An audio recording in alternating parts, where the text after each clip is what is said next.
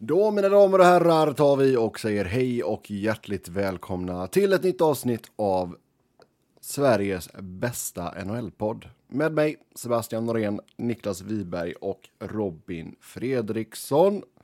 I förra avsnittet så började vi våran preview av divisionerna i ligan då vi med stormsteg närmar oss grundseriens början. Så eh, Atlantic gick vi igenom i förra avsnittet, så har ni inte kollat in det så gör det.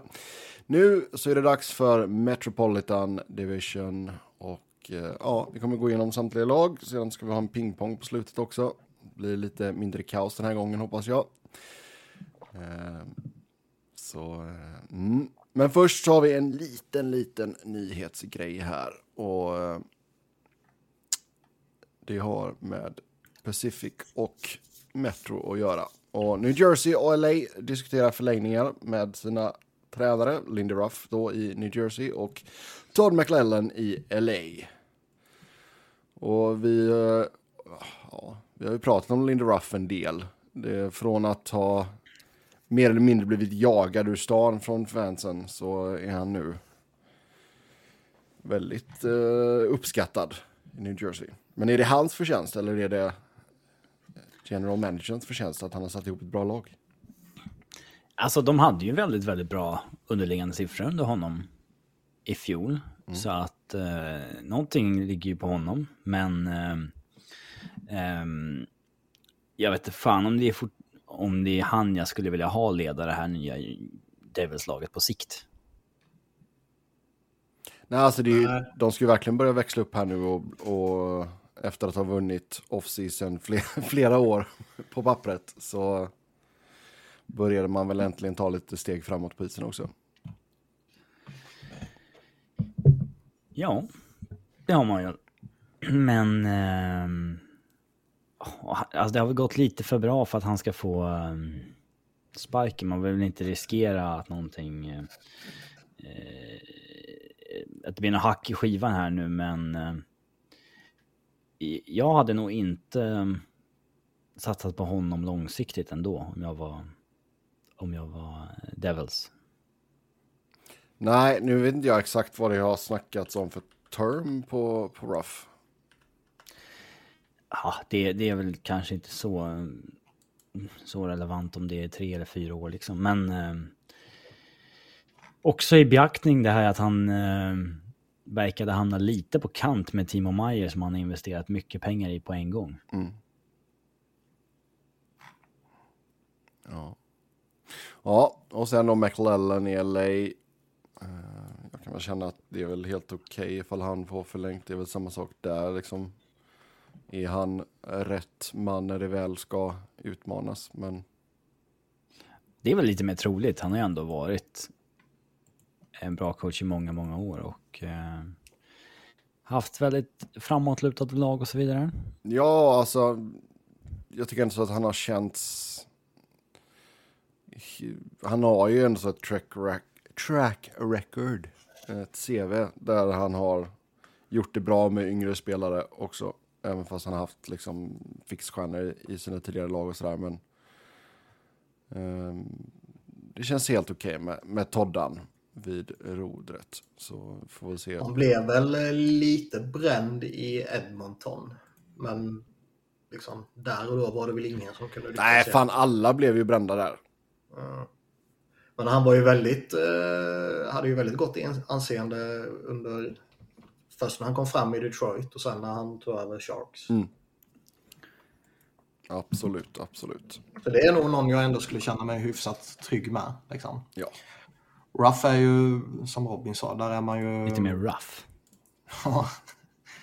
där är man ju lite mer skeptisk till honom framåt. Och uh, fascinerande ändå hur det kan gå från att vara typ utbuad och folk vill ha bort dig till att uh, få det på plats som man ändå fick. Ja, herregud. Ändå gulligt när de började känta Sorry Lindy. ja. Fire, ja, men det, det, är väl bra att de kan erkänna när de har fel liksom. Det, det, får, det är inte alla fanbases som gör det. Mm. Ja, det, amerikanska läktarkulturen eh, kan vara rolig någon gång. Ja, Absolut. Oftast inte, men ja. Nej. Fast ibland slåss de med varandra. Det var ett klipp här nu som blev viralt från en eh, NFL-match här i San Francisco. Var det någon som slog ihjäl någon annan? Eh, Jag vet inte om de slog ihjäl varandra i den. Det var bara ett jävla bråk. Men det händer ju tyvärr. Att, Kommer man in med vapen på liksom eh, public events sådär? nej, det gör det inte. Är det... ehm, Det är metalldetektorer och så vidare. Det är det på hovet också. Ehm, och ingen pyro heller. Nej, men den, eh, den är väl inte lika utbredd i eh, Nordamerika. Nej, nej, nej. Alltså det är ju typ på eh, alltså, vissa MLS-matcher, men då är det ju mer typ, alltså. Jag var på FC Cincinnati-match här häromdagen. Och när de gör mål, liksom, då sätter ju, då är det ju typ laget själva mer eller mindre som sätter av rökbomber liksom. Eh, och de är ju, de är ju så pass, vad ska man säga? Alltså de är ju tajmade på ett sånt sätt så att det, inte, det täcker inte hela arenan i rök liksom, utan det är någon minut och så är det borta. Så, eh, men det är, det är lite roligt för liksom det, det är, när de gör mål så, ja det börjar spela mu- musik då såklart, beroende på vem som gör målet och sådär. Och, och, och sen så börjar liksom alla, alla lamporna att flasha i hela arenan. Man bara jävlar vad jippo. Men, eh, ja. Men det är kul att det går bra för dem i alla fall. Det, vi behöver det. Cincinnati som sportstad. Eh, Så kul med FC Cincinnati i alla fall. Men nu ska vi prata om Metropolitan Division. Vi går igenom lagen i bokstavsordning och det gör att vi först landar i Carolina. Niklas andra kärlek i eh, NHL. Han har varit i Raleigh. Han gillar deras barbecue. Vad gillar du mer med Raleigh som stad? Vad gillar jag? Eh, Ja, de vi hängde med var ju jävligt trevliga. Sen om Okej. det är eh, representativt för hela staden, det vet jag inte. Men de, vi var ju, det var väl tre, fyra, fem som var lite mer involverade med oss, men det var ju ändå 30 pass liksom. Som jag hängde och tailgatade med och sådär. Det var jävligt gött. Mm. Tail, tailgate är ändå så ganska roligt tycker jag. Det är, det är kul att det är vissa NHL-lag som har anammat den eh, traditionen. Mm. Eddie Leck tutade på oss när han körde förbi. Så där ja. Bra Eddie. Eddie gillar vi. Annars, var ju rally i sig, liksom downtown, var ju jävligt tråkigt. Det var typ ett och ett halvt museum och sen så typ fyra pubbar och sen var det bara business complex. Mm. Jo men alltså, vi, alltså vissa sådana, liksom, det är en sån mindre stad så att säga. Ehm, Ja, alltså arenan ligger ju en bit utanför. Den ligger ju inte downtown. Den ligger ju, jag kommer inte ihåg en kvart eller 20-25 minuter något sånt där från downtown med, med taxi liksom. ja. Jo exakt. Men eh, det, det är ju liksom inte Ottawa där det är typ 45 minuter utanför. Nej. Nej nej nej. Eh, Men det är ju ändå lite sådär, när, när det inte ligger centralt så blir det ju lite, man är ju lite bortskämd ändå när man åker till de stora städerna i USA. Ja, jag menar, och även andra städer som är där man har lagt in det på ett bra sätt, typ som Nashville liksom. Ja, ja, Det, det kan inte ligga bättre. nej, exakt. Det är liksom bara partygatan och så där är arenan liksom. Grattis. Så, är Å andra sidan så, så liksom är det som det är i, i, eh, i Nashville eller Madison Square Garden och sånt där så det är ju rätt svårt att tailgata. Ja, Det, det gick ju alldeles utmärkt här och det funkar ju bra om man vill göra det i, i Philly när det finns stora parkeringsytor också. Liksom. ja exakt. Men eh, Ja, nej, nej. I Nashville och sådär, då blir det mer att du kör någon, någon form av pub crawl eller någonting innan liksom. Det, mm. det är lite annorlunda där såklart. Ja, men Carolina då. Ehm, De var ju också, det var ju, det var ju insider trading igår efter vi spelade in förra eh, avsnittet. Mm. Och eh, det var ju där de nämnde Ruff och McLellan. De nämnde ju också Brinda Moore som har ett, eh, ett kontrakt som tar slut efter den här säsongen. Och och eh, där Dundon ska ha sagt att äh, vi kommer lösa det. Typ. Men att det inte har diskuterats något ännu. Ja, jag ser väl ingen anledning till att de inte skulle vilja fortsätta med honom. Eller? Nej, det gör väl inte jag heller. Däremot så är det väl lite alltså någon kritik man kan ha mot Keynes och som eh, eventuellt kan sippra över på Brinda Moore också, eller så gör det inte det, är ju att de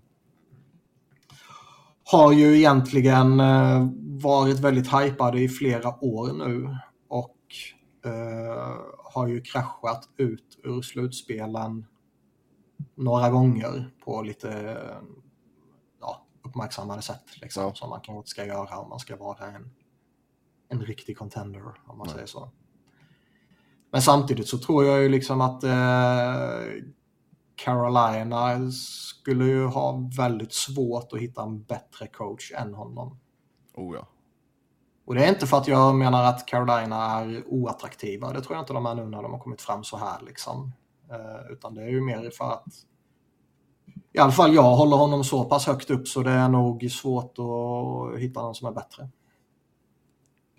Ja, jag tycker definitivt Brenda Moore ska, ska in i toppskiktet där. Det, han sållar vi nog till någon som vi anser är riktigt, riktigt bra. Eh. Sen drömmer man ju själv om att han ska komma tillbaka till Flyers någon gång. Det kan jag eh. förstå. Men du... Brinda Moore, det, det, är väl många som har pratat om honom lite sådär, typ Brinda Moore har väl hintat lite om att äh, men det är Carolina han ska coacha eller liksom, annars får det vara typ för att han är rotad där med familj och sånt där. Men mm. äh, är det något lag så kanske man kan intala sig själv att det är Philly där han ändå har en rätt lång historia också.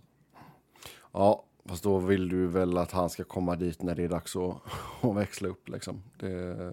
Ja, så om han får ett nytt uh, tvåårskontrakt här så gör han det med Keynes och sen så uh, när Flyers ska vara relevanta igen med Mishkov och gänget så kan han komma tillbaka. Mm. Får vi se, får vi se. Annars då om vi tittar på laget så in med Michael Bunting på forwardssidan. Eh, förväntas ju gå rätt in i första kedjan där med Sebastian Aho och Seth Jarvis. Sen eh, två nya backar in i Dimitri Orlov och Tony DeAngelo. Jag tycker de har gjort eh, bra grejer här. De får in Bunting på liksom, ett bra kontrakt får man väl ändå säga. Uh, framförallt i princip ingen term ju. Nej, exakt. Tre år, fyra och en halv mille. Samma sak med Orlov där man liksom slantar upp mer än vad han förmodligen är värd kan jag väl ändå tycka. Men man gör det på ett tvåårskontrakt utan uh, att det påverkar laget negativt på något sätt. Så det är ju bara att köra liksom. Vad, alltså det, behöver de verkligen... Uh, alltså, behöver de verkligen D'Angelo? Med liksom Orlov och Burns? Nej, jag begriper ju inte det. Alltså, ska man ha D'Angelo så är enda, en, en, hans enda existensberättigande är ju att han faktiskt kan göra lite nytta i PP. Ja. En utdöende grej, den renodlade PP-backen. Mm.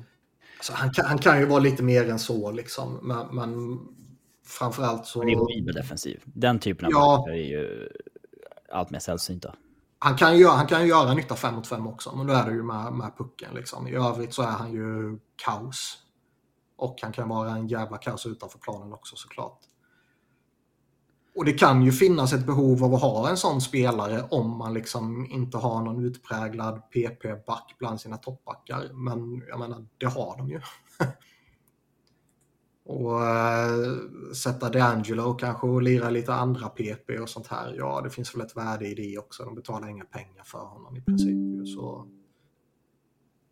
det är, väl, det är väl inget problem sådär, men jag ser ju inte riktigt varför, eh, varför det var så viktigt att få tillbaka honom. Liksom. Nej. Nej, det är sant. Men... Sen är väl de rimligtvis också bättre på att eh, matcha honom på ett korrekt sätt.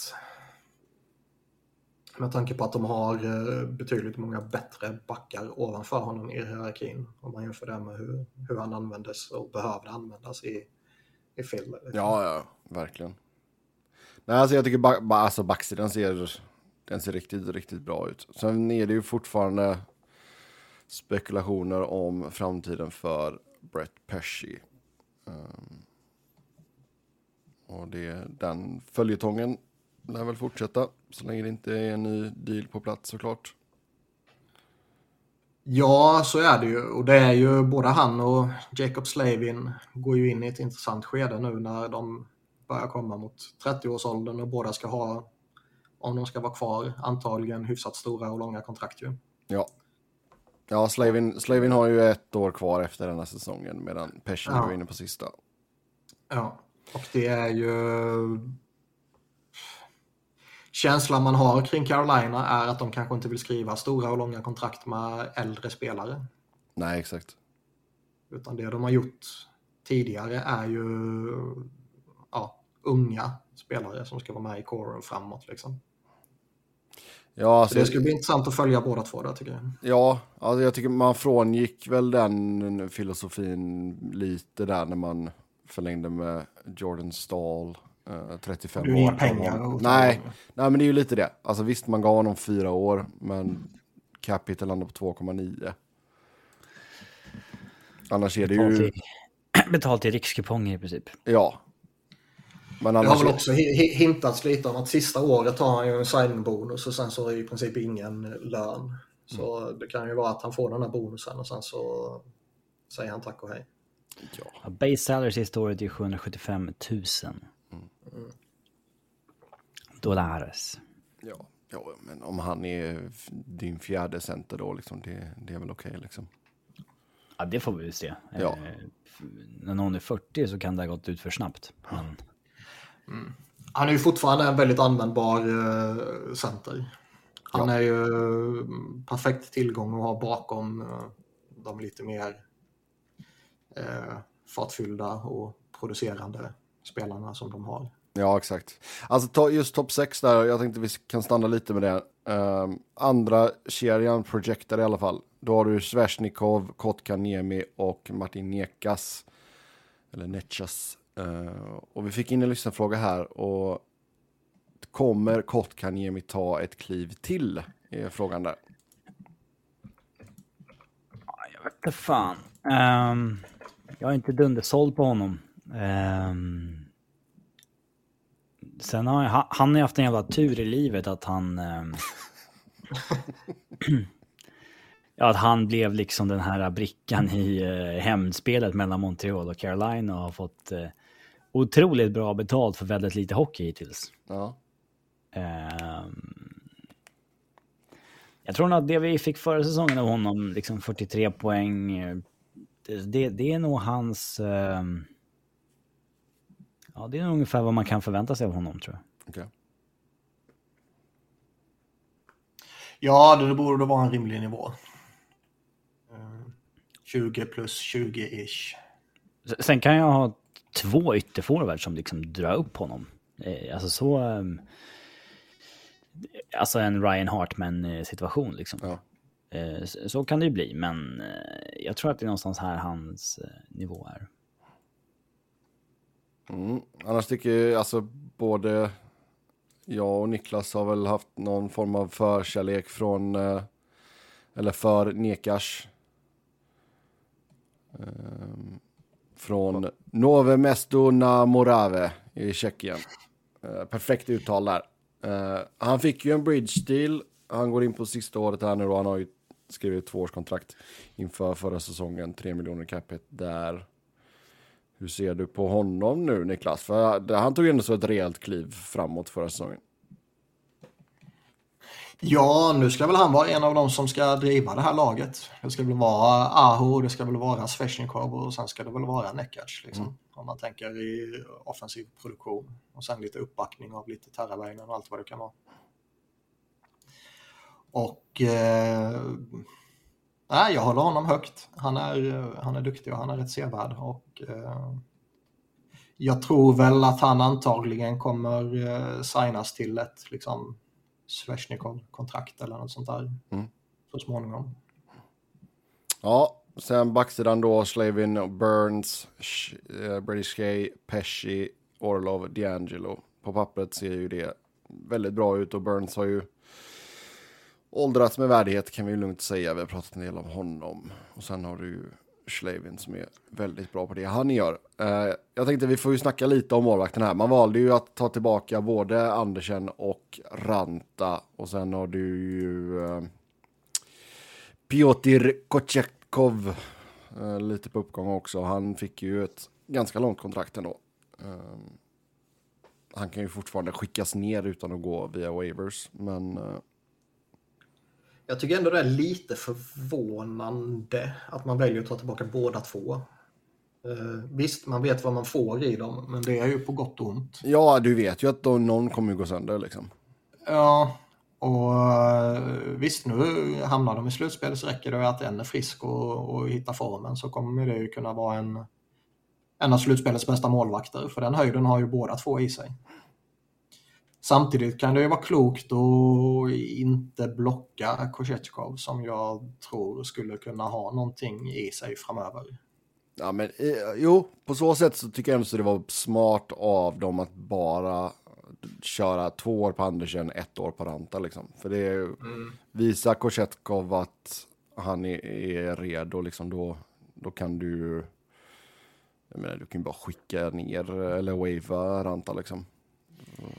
Eller så mm. kan du säkert hitta någon som tar på en och en halv mille. Det finns säkert något lag som, som hade varit sugna på att ta in honom som någon backup eller någonting.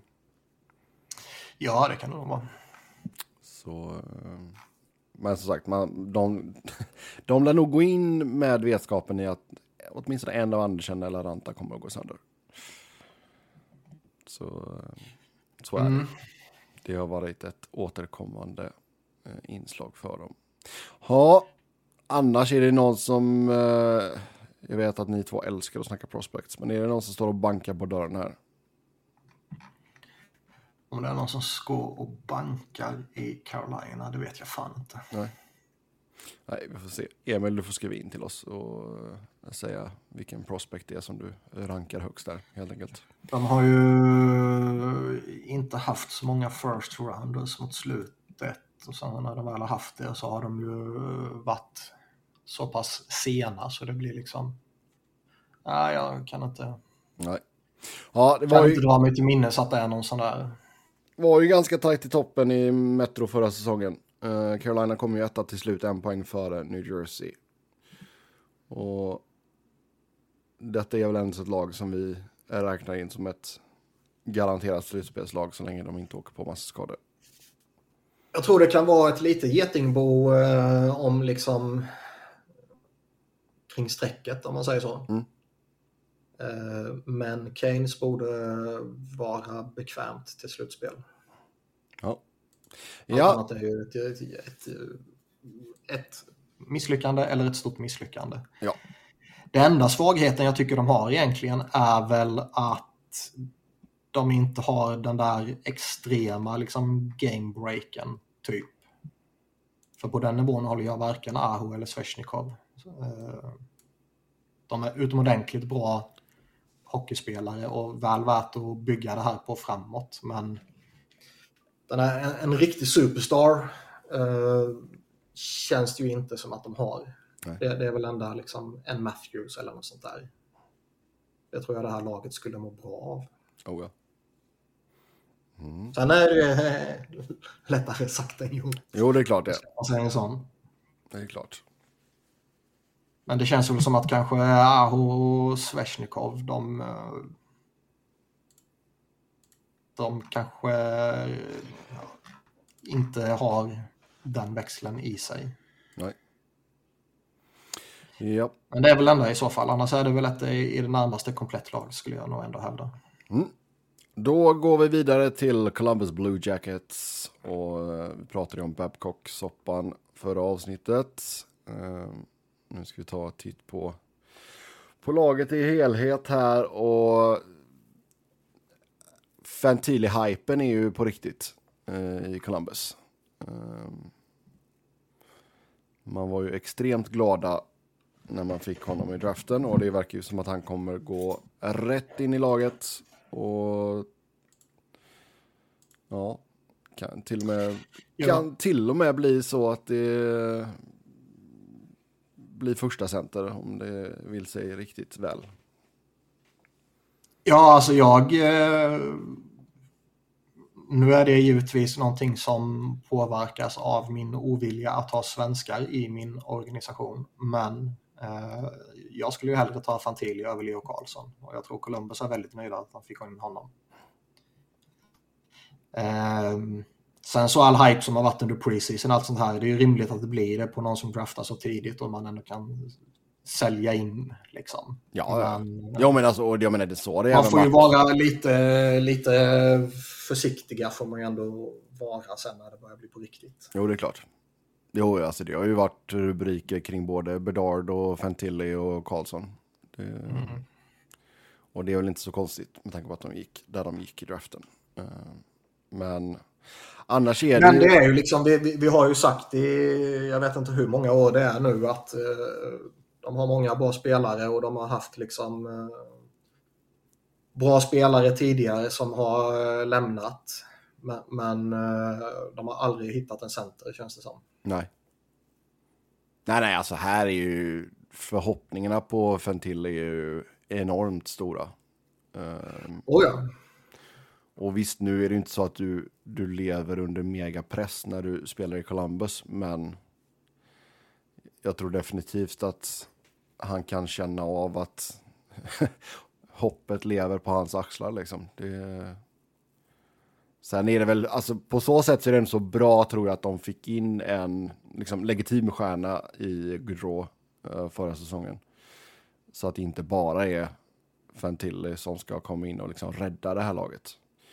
Uh, det känns väl som att hypen kring Line har väl, den har ju dött av lite. Ja, fejdat lite ja. ja. Men den skulle han ju kunna tända på två veckor. Ja. Men liksom du, du har en sån potentiell dunderkedja i, i Gaudreau, Fantilli och, och Line. Sen är det inte säkert att de kommer lira de tre ihop, men eh, på sikt så kan det nog bli en jäkligt bra kedja. Annars, vad har vi att säga? Det är inte så mycket annat nytt som är där. Det är projected lines just nu. Gaudreau, Jenner, Johnson, Kenta då såklart. Sen eh, Texier tillbaka. Han tog ju paus eh, på grund av personliga skäl förra säsongen. Var ju i Europa. Eh, Texier, Fantilli, Laine. Sen Bemström, Roslovic, Marchenko. Och sen en fjärde line med Robinson, Corrali och Dan Forth. Um, Tunnas ju av ju längre ner man kommer. Ja. Men eh, toppen på deras depth chart är ju imponerande. Mm. Ja, alltså nu hade man ju så enormt oflyt med skador förra säsongen. Um, så det känns ju som att det var lite av en, en outlier och man kunde skylla lite på det. Uh, däremot... för, för, förra säsongen är ju en write-off. Man ja. får alla de skadorna man får och, och på sådana nyckelspelare som Berensky och vad det var. Liksom. Det, det, är ju bara att... Våra check försvann liksom. Det, det är ju bara att rycka på axlarna och konstatera att det här var ett skitår och nu kör vi mm. vidare. Lite och så. Nu satsar vi på Mike Babcock istället. Ja, och så blev det pannkaka av det. Så det blir ju intressant att se hur det, det påverkar laget här i inledningen. Eh, på backsidan, då har du ju Varensky och Peak i första, sen Adam Bokvist och sen nio Damon Severson. Och sen tog man även in Ivan Provorov och han ska lira med Eric Goodbranson ser det ut som. Eh, men Severson och Provorov in, så jag menar på pappret är ju fortfarande backuppsättningen bättre än vad den var förra året. De betalade ja. dyrt för det dock. Ja. ja. Det är en betydligt stabilare grund att stå på. Men... Mm. Eh, eller stabil vet jag fan man ska kalla det, men den har ju betydligt mer potential än tidigare år. Eh, och... Ja, som Niklas sa, det var dyrt. Mm. Men det är det ju värt kanske. Men det gäller också att man bankar ju på att Provorov ska ha... ja, alltså antingen någon form av utveckling eller någon... Eh, ja, studsa tillbaka till det han åtminstone var lite mer tidigare. Ja, exakt. Eh, han måste ju studsa tillbaka för att det ska bli värt det. Och det är ju liksom en... en uh, Ivan Provorov för under 5 miljoner borde ju rimligtvis vara en, en mycket bra back. Liksom. Det är ju skillnad på Sen är han... Eh, han är ju tradebar också om det inte skulle... Alltså i och med att Ja, han är under fem och han är Ivan Provorov. Han har ju ett gott rykte, ja, förutom det här att han inte gillar bögar då. Men eh, att, alltså som spelare. Man kommer att kunna få tillbaka ganska mycket av det man pröjsade. Eh, om man vill skicka honom mot en deadline med ett och ett halvt år kvar eller med ett halvår kvar på kontraktet. Där man dessutom kan retaina ner det ännu mer. Sen är det väl en, en, eh, en faktor som eh, många har lyft och från Flyers håll då, liksom nu när han är borta och ser hur han ska ta det. Det är ju liksom att det har ju gnällts lite från honom när han typ inte har fått spela PP och han inte har varit the go-to guy och sådär. Och eh, hur kommer det funka i Columbus när han liksom garanterat kommer stå bakom Zach Wierenski och eh, Ja, beroende på vad som händer, eventuellt också Damon Severson. ja, exakt. Det kan mycket väl bli att Sen- han inte får någon PP överhuvudtaget. Ja, sen, sen kanske det är liksom eh, skillnad också vad det är för någon som petar dig. Det är skillnad på att bli petad av Zach Wierenski eller eh, vissa av dem som har varit i Flyers de senaste åren. Ja. Så det, det, det kan vara en faktor också givetvis. Men, men lite varningens finger ska väl höjas för att eh, Provorov eventuellt kan vara lite av en crybaby. Mm. Ja, eh, som sagt, förra året var vad det var. 59 poäng blev det bara. Eh, kan ju definitivt förvänta oss ett ganska stort hopp upp. I, nej, kanske inte hopp upp i tabellen, men i alla fall poängmässigt sett så bör det ju gå avsevärt mycket bättre. De borde ta betydligt fler poäng. Eh, man har väl lite svårt dock att se dem vara ett slutspelslag. Mest för att det, inte för att de nödvändigtvis är så dåliga, utan mest för att det är liksom, det finns, finns rätt många bättre lag före dem i Metro. Ja, men sen vad får vi för version av Elvis? Det, Ja, nej, de har väl också en målvaktssituation som är lite oklar. det är liksom, han kom in 1920, gjorde det svinbra. Var klart godkänd 2021. 21-22, ja, medioker. Och sen var han ju rent av usel förra säsongen. Han måste väl, Robin du gillar ju sådana här siffror. Han måste väl varit typ en av de sämsta startersarna eller? Vem? M- Merslikins. Ja, han hade ju en härlig säsong. Ja, Ehm, det är ju det, du kan aldrig lita på en sån där målvakt. Det finns typ tre målvakter i NHL du kan lita på kommer vara above average. Men... ehm, nej, så där blir det ibland. mm. och sen Direkt bara... efter att man gick liksom committade på honom ganska hårt också. Ja. Jo, men alltså, som sagt, han var ju svinbra i början liksom. Det, Ja, den var bra. ja. Och sen ba bakom där så är det ju Daniil Tarasov då som är eh, ganska oprövad. Han har ju bara 21 NHL-matcher på kontot liksom. Jipp. Så så är det med det, men samtidigt så fattar jag ju att de valde att gå vidare från Korpisalo. Så så är det med För Columbus. out, outbidded vad det verkar. Ja, jo. Det... Men jag fattar att de gjorde det de gjorde när de tradade honom. Då går vi till eh, New Jersey Devils. Favorittippade New Jersey. Håller vi dem högre än Keynes? Eh, det är väl nästan jämnt lopp där. Får man väl säga. Jag har, svår, jag har svårt att skilja dem åt. Ja. Eh, och det, det var bara en poäng som skilde dem åt Men du, säsongen. du har ju...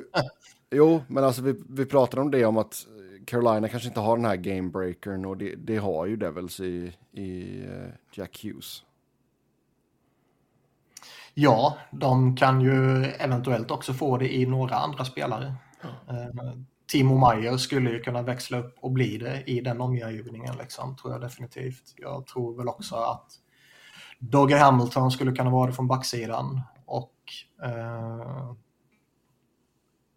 Jesper Bratt har ju faktiskt gått och blivit nästan point per game-spelare. Ja, ja. Har han ytterligare ett litet steg i sig så kanske han kan, kan bli det också om de kan boosta varandra på något sätt. Liksom. Ja, exakt. Uh, och sen, du får ändå in en beprövad veteran i Tyler Toffoli. Så eh, uh, projector first line där med Bratt, Hughes och Toffoli. Det, det kan nog bli lite förverkerier där. Sen har man ju även fått in Thomas Nosek för lite djup. Uh, jag tycker väl det är lite som eh, vi har pratat om kring de andra lagen här, att toppen på forwardsbesättningen är ju snuskig liksom. Och sen så blir det rätt mycket tunnare ju längre ner man kommer. Ja, alltså jag skulle ändå säga att det är en ganska...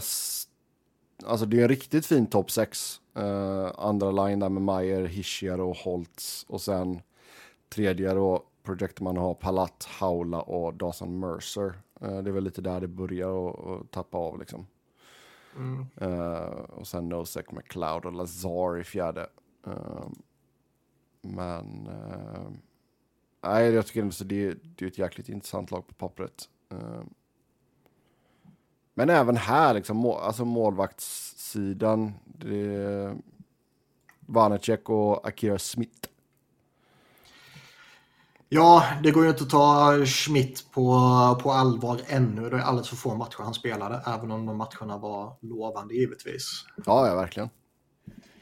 Och Vanecek är man ju fortsatt skeptisk till. Um, han har inte heller gjort så jävla många säsonger eller matcher liksom. Så det, nej, det, det är oprövat där bak. Och uh, um, det är väl det som kan sänka dem egentligen. Mm. Annars tycker jag att de har uh, allt man kan förvänta sig egentligen. Backbesättningen är ju jättestark och, och... Ja, jag tänkte jag kan gå igenom den lite snabbt. Det är ju Ham Hamilton då som etta. Uh, han kommer spela med Sigen Taller verkar det som. Sen har vi lillebror Luke Hughes, John Marino, Kevin Ball och Colin Miller. Ja, det är mycket stabilt där tycker jag. Hamilton som sagt kan ju vara en av de absolut bästa i hela ligan. John Marino tycker jag nog är lite underskattad. Eh, Sigenthaler, typ samma sak. Kevin Ball var ju lite hypad tidigare, kan vi se vad han kan få ut här nu. Och Luke Hughes är ju intressant på fullaste allvar. Oh ja. Bara för att han har ett efternamn, utan han är ju en, eh, en legitim prospect i sig. Verkligen. Så det ska, det ska bli intressant att följa honom också. Mm. Ja. Det är bara två säsonger kvar på Kowalczyk, Kowalczyks recapture penalty också. Sen har de ju dessutom då Simon Nemec på, på väntelistan. Mm. Jag vet inte, inte sett någonting, men jag har ju inte letat efter heller hur hans status är inför den här säsongen. Om de ska committa sig till honom eller om de ska fortsätta utveckla honom så att säga. Men han är ju hyperintressant framåt också. Mm, verkligen. Ja, nej alltså det är som sagt gamebreaker där i, i Jack Hughes och frågan är ifall det kan väga över i deras fördel där över Carolina kanske. Det är ju lite absurt när organisationen som på typ 90-talet och framåt förstörde hockeyn nu är ett av ligans klart mest sevärda lag. Mm. I en halvfull arena. Ja. Så är det. Men går det, fortsätter det att gå bra så kommer väl den fyllas också. Ja, kanske. Känns lite som att det brukar gå hand i hand. Faktiskt. Men, men det är ett superintressant lag framåt. Både, både kortsiktigt och långsiktigt. Ja. Då går vi till Niklas hatobjekt, New York Islanders. Ja, mitt stora hatobjekt numera är ju nästan Philadelphia. Ja, men det är ju bara för att du är sån här self-hating. Uh, Maniac. ja. Om vi tittar på andra lag som du inte gillar så är ju Islanders högt upp på listan i alla fall. Ja, man tycker ju att Islanders... Eh, de, de, man vet ju inte riktigt var man har dem nu. Liksom. De, de har ett konstigt lagbygge som vi har pratat om många gånger. Där Uncle Lube slänger ut term som om det inte finns någon morgondag. Och ska man vara lite oförskämd så är ju hans morgondagar rätt begränsade. Ja. det känns som att han inte vill jobba så mycket med kommande åren utan bara det här är mitt lag. Ja. Nu kör vi. Lite typ. så. Lite så. Vänta bara, Matt Martin skriver nytt treårskontrakt här snart. Mm. Eller så är han eh, liksom, spelar lite 3D chess här med...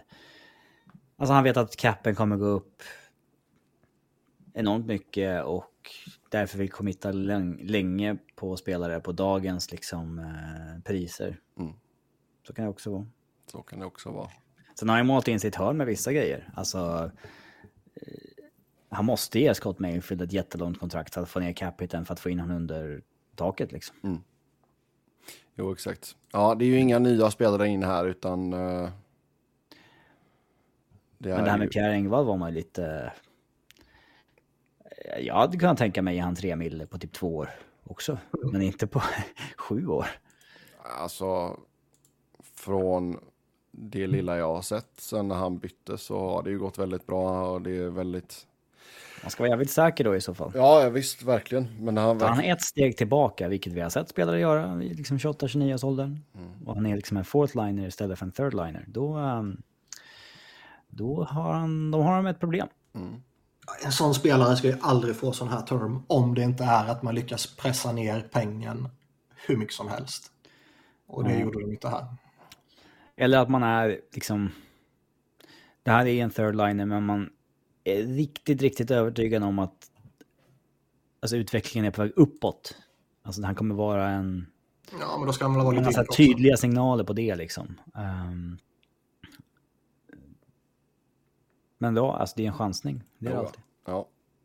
ja, annars då om vi tittar på uh, projected lines här. Oliver Wallström, Bo Horvath, Matt Barzal i en första projected line. Projected lines? Ja.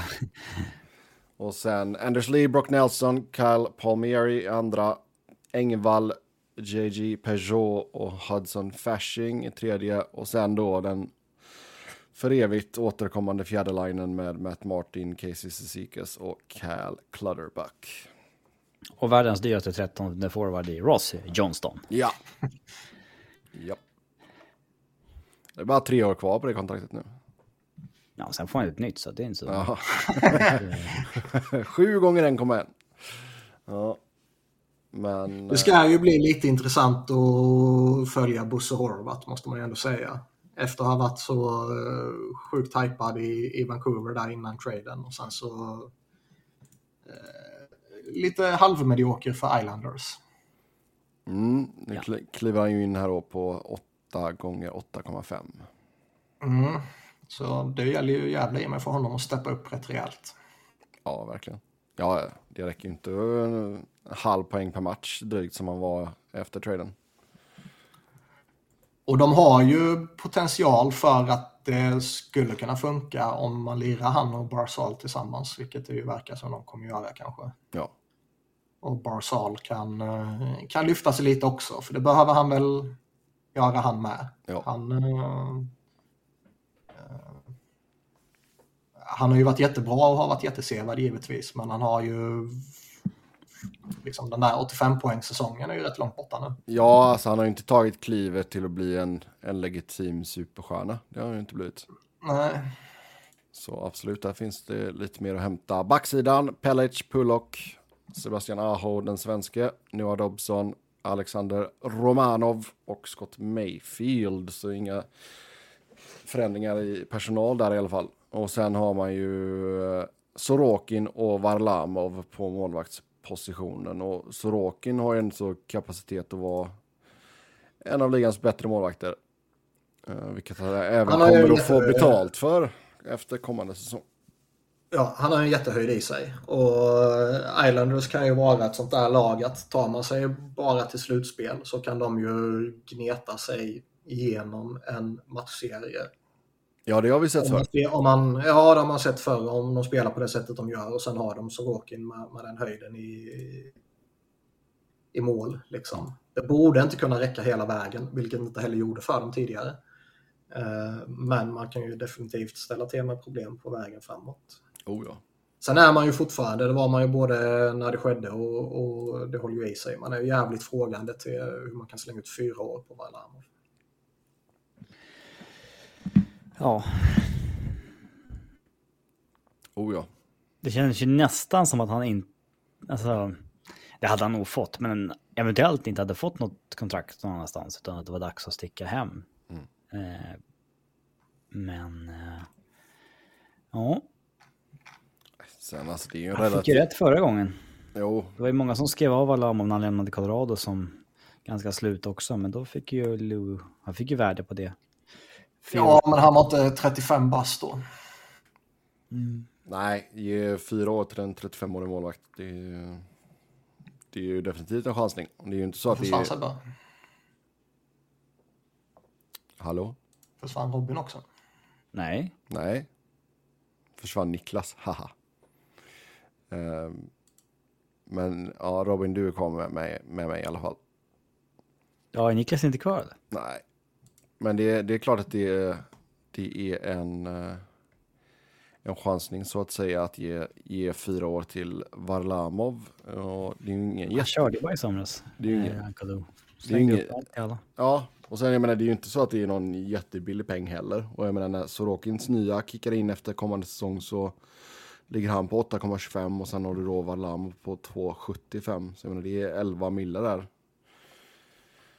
Sen står Sorokin, han lär väl få ta en ganska tung, eh, tung eh, arbetsbörda liksom. Det, Fråga Niklas här. Ja, jag vet. Jag skrev till honom. Men jag menar, jag kan ju se att han kanske får ta typ 60 matcher liksom. Och det är väl inte alltid det är optimalt.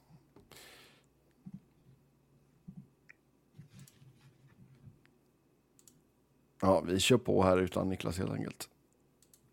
Typ. Ja, då går vi till Rangers.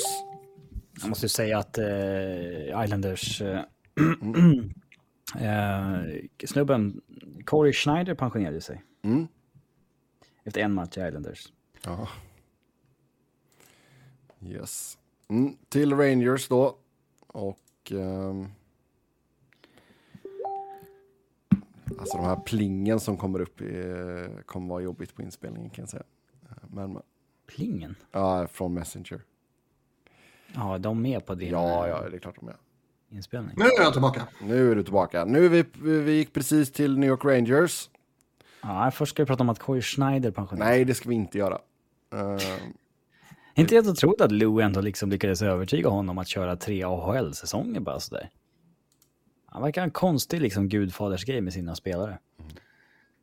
Hans kropp var ju dessutom slutkörd och ändå så gick han med på det. Ja. Japp. Det om det i alla fall. Rangers.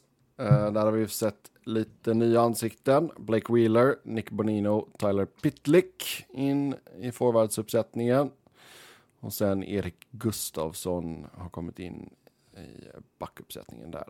Ehm, vad ska man ha för krav på dagens Rangers, Niklas? Jag tycker att eh, de borde vara ett slutspelslag utan att egentligen behöva anstränga sig jättemycket. Det finns ju lite frågetecken i lagbygget givetvis, men eh, deras core är ju fortfarande så stark att de relativt obehindrat ska ta sig till slutspel tycker jag. Ja, Sen, alltså, tror, sen tror jag väl inte att de är... Eh, liksom, de, de borde nog inte kunna utmana Keynes och Devils om första platsen.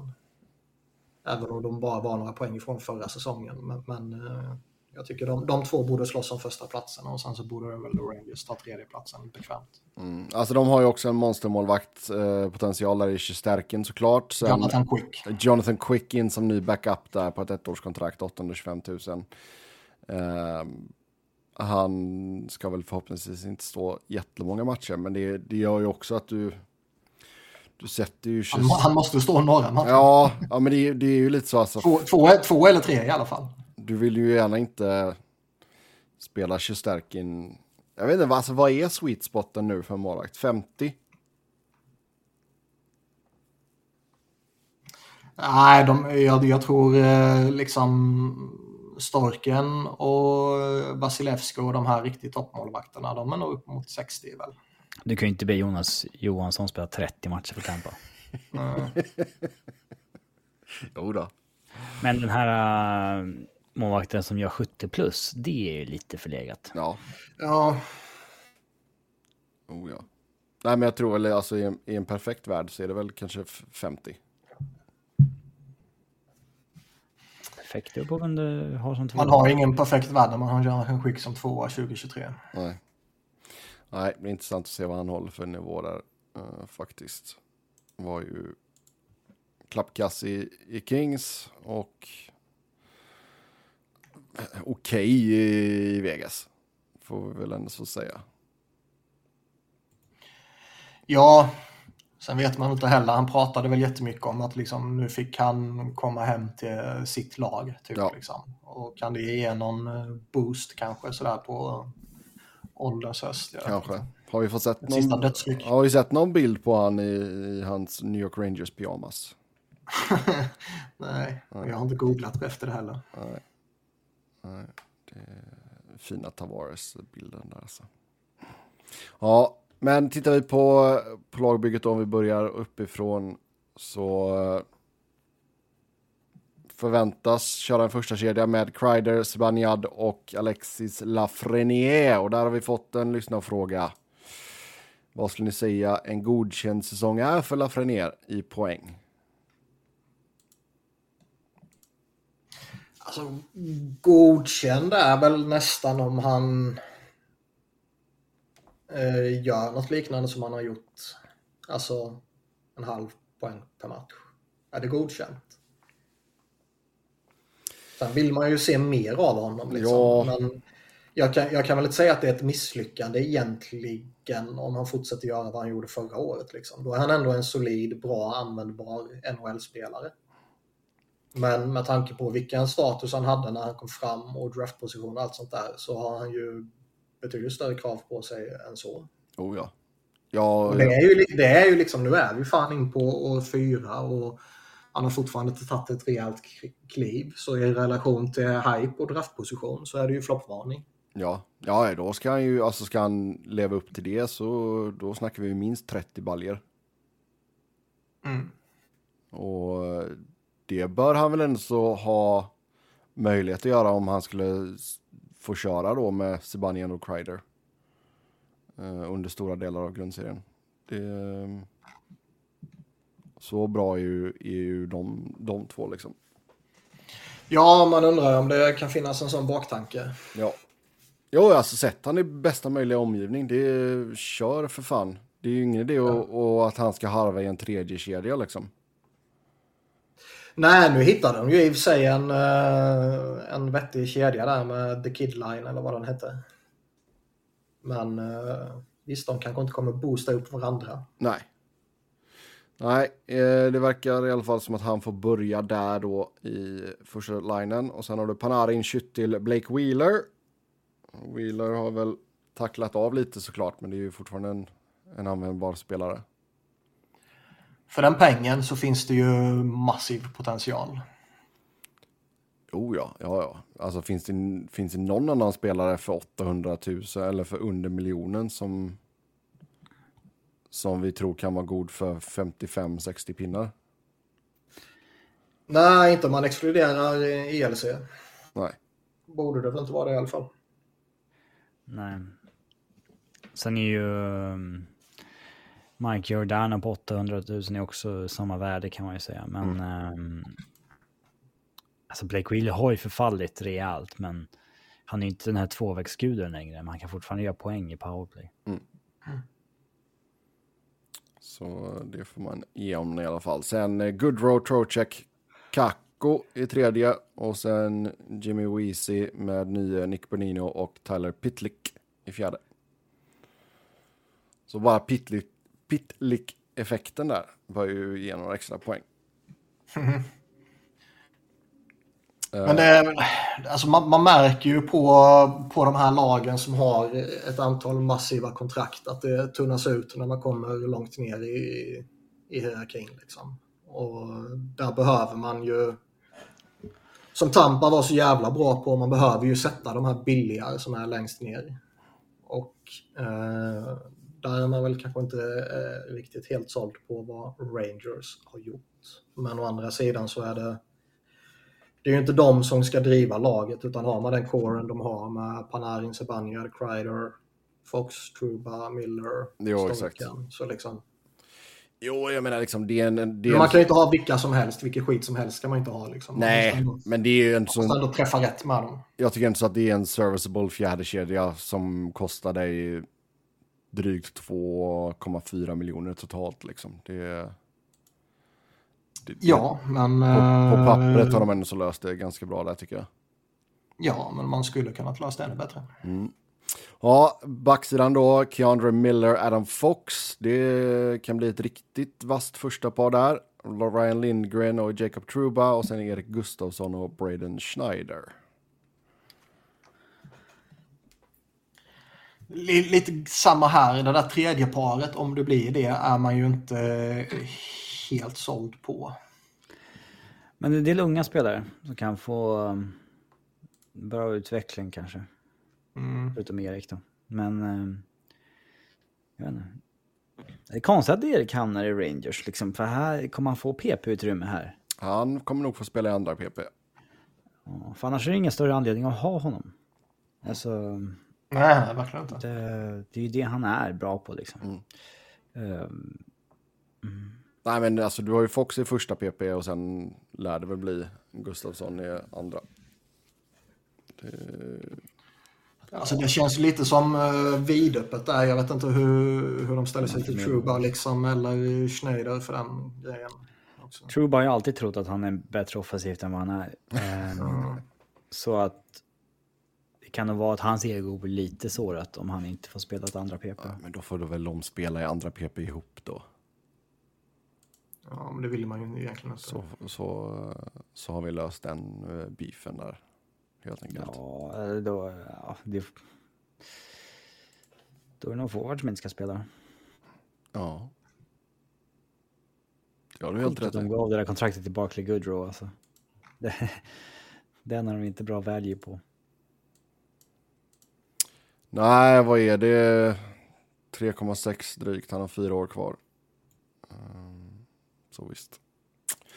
Ja, eh, sen hade vi en fråga om Quick också. Klarar Quick att ta fem vinster och hålla sig på 90 procent i räddningsprocent? Fem vinster skulle jag nog absolut kunna tänka mig att han bör ta. Mm. Sen om man landar på 89 eller på 90,5 det... Det får man se. Japp. Ja, då går vi till eh, Philadelphia Flyers. Eh, tippat bottenlag. Efter regnet kommer solsken. Kom, ja, det kommer vara ett jävla regn här för Det är några, några år. fortfarande rätt tunga regnmoln. Det, det finns hopp. Det finns en morgondag. Det finns en åttonde plats i Metro som väntar. Eh, Ja, den kan man nog sikta in sig på. ja, Det enda som eh, gör att Flyers inte tar åttonde platsen är ju om något annat lag får liksom ett Columbus-år ja, med sjuka skador och sådär liksom. Annars borde det vara en, eh, en sjunde plats. Allt annat skulle förvåna mig. Liksom. ja, snabb genomgång här. Eller åt, åttonde plats Åttonde plats. Ja. Snabb genomgång här av laget. Eh, Fairby Frost Tippet förväntas gå in i första kedjan. Eh, inte riktigt samma klass som de vi har räknat upp tidigare. Eh, Scott Lawthon, Sean Couturier, Travis Connectney. Sen Cam Atkinson, Noah Cates, Wade Allison, Nick Delorier, Ryan Poling och Garnet Hathaway. Poling och Hathaway är ju nya. Eh, det ska väl sägas att de där kedjorna har eh, man typ inte sett skymten av under preseason. Nej. Vad har du fått se för kedjor under preseason, Niklas? Eh, De har väl, vi kan ju börja med den episka fjärdekedjan. Nu, Jag, jag lyssnar inte på vad du sa så jag har ingen aning Nej. om du sa den här redan kanske. Men eh, det blir Delorier, Poling och eh, Hathaway. Ja, det var exakt det jag sa. ja, Jag slutade lyssna på dig när du hade fel i början ja, i alla fall. ja. Vad, vad tog du kedjorna ifrån? För det var ju inte från liksom, minnet. Nej, det var från Daily Face-Off. Ja. Ja. Jag tror väl att eh, de fortfarande, eh, eh, vad säger man, eh, chansar lite. Och typ, Ja, ja. Jo, exakt. Det är ju projected bara. Så det, är- det är inget som är satt Men- i sten. De testade ju bland annat eh, Couturier med Connectney och Tippet. Mm. Och det är väl lite så här att eh, Couturier är ju intressant liksom. Han har ju inte lirat sedan december 21. Eh, och liksom vilken jävla status han har när han kommer tillbaka nu är ju eh, jätteavgörande för Philadelphia framåt. Liksom. Det kan ju vara att han kommer tillbaka och så funkar det inte och så får man sätta honom på long term injured reserve eh, direkt nu på andra året på hans stora kontrakt. Liksom. Eh, det blir ju lite krångligt, men det är ju nästan att föredra att han inte kan spela alls än att han går in och är en fjärde center som missar matcher här och där och kostar under 8 miljoner. Liksom. Mm. Men eh, det kan ju också bli så att han kommer tillbaka, han hittar en, eh, en rimlig nivå, är fortfarande en nyttig tvåvägscenter eller defensiv center som kanske är lite överbetald. Liksom. Och kommer vara det framöver och åldras rätt vettigt i den positionen. Liksom. Tidigare hade man ju lite förhoppningar innan den här skadan att han skulle kunna få någon liksom, Kopitar Bergeron-utveckling. Att ligga på en hög nivå in i slutet. Liksom. Men eh, om man haft den här frånvaron får man ju revidera de förhoppningarna lite. Eh, Men får man in han så att han blir en användbar spelare igen så vem vet, om ett år eller två kanske han till och med är tradebar. Då är 7,75 inte så mycket. Nej.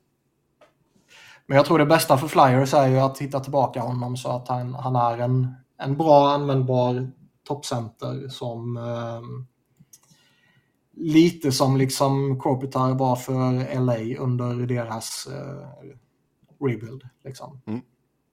Vi har ju ändå sett genom åren att ska man rebuilda och man eh, rensar ut precis allting och bara har skräp kvar så kan det ju faila rätt hårt.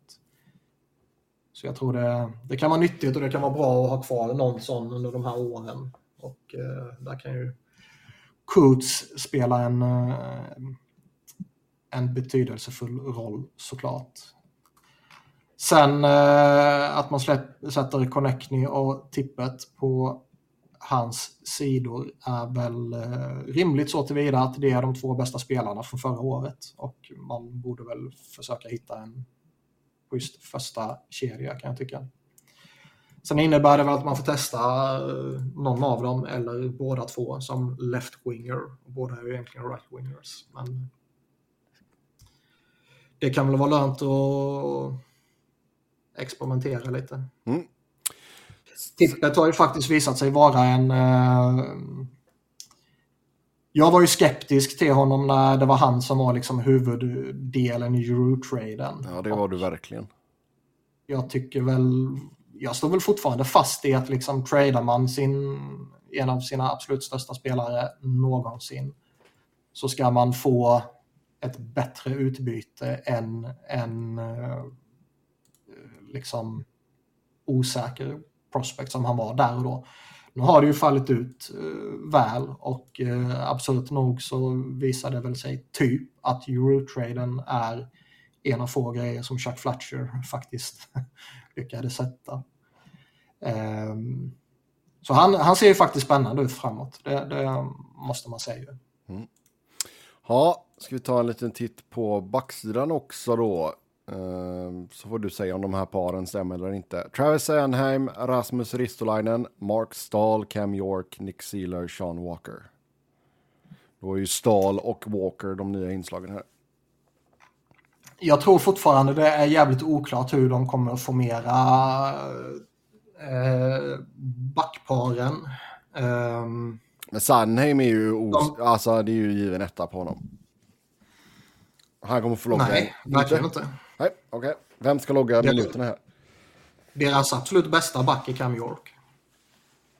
Sen så kanske inte det betyder att eh, Cam York kommer spela mest. Det skulle mycket väl kunna bli Travis Sunham eller Rasmus Ristolainen som får mest minuter. Mm. Men det är Cam York som är den bästa och, och viktigaste backen. Liksom. Sen tror jag visserligen att Sunheim kan ju hitta tillbaka, givetvis. Han eh, var man ju rätt hög på tidigare och såg att han, eller hoppades att han kanske skulle kunna ha en liten större uppsida i sig också. Men sen så blev man ju rätt knäckt på honom förra året när han skit ner sig fullkomligt liksom. Um, Nu kliver han in på ny, nya kontraktet också ja, och de försökte ju trada honom i somras utan att det gick där med St. Louis-förslaget liksom. Mm. Nu har han ju en full no trade här nu de första fyra åren också på detta kontraktet. Ja.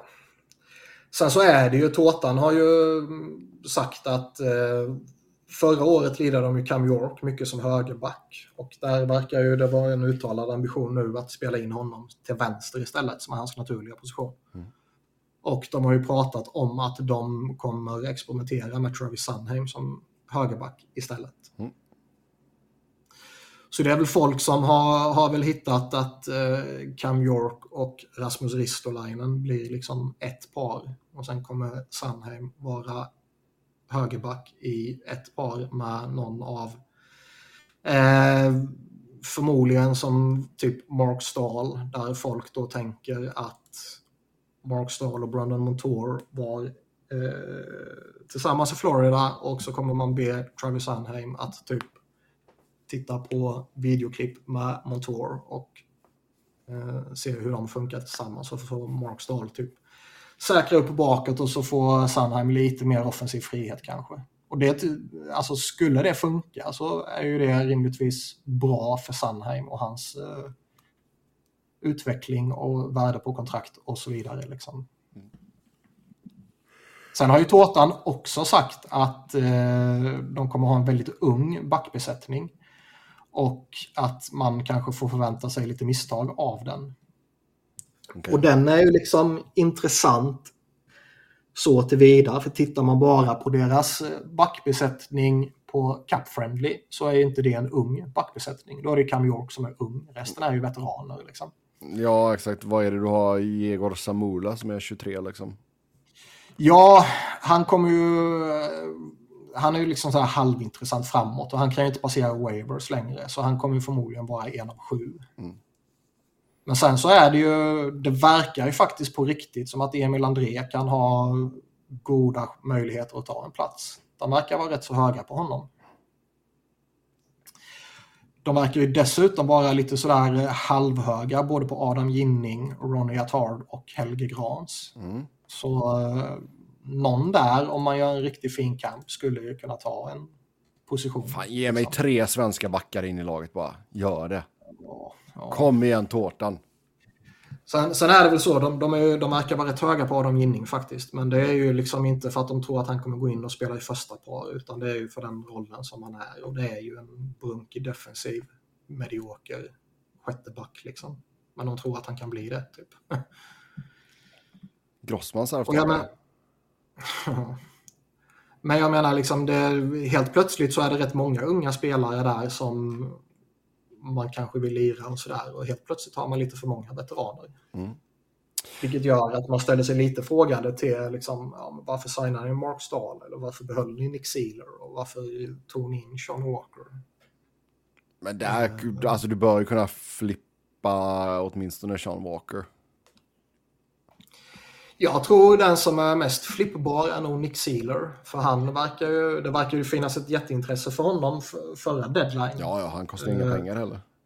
Nej, och sen är han ju den här, ja, han fightar så han kämpar och han slåss. Liksom. Ja. Så det är visst. Men ja, men det är väl kul att ni har lite prospects i alla fall.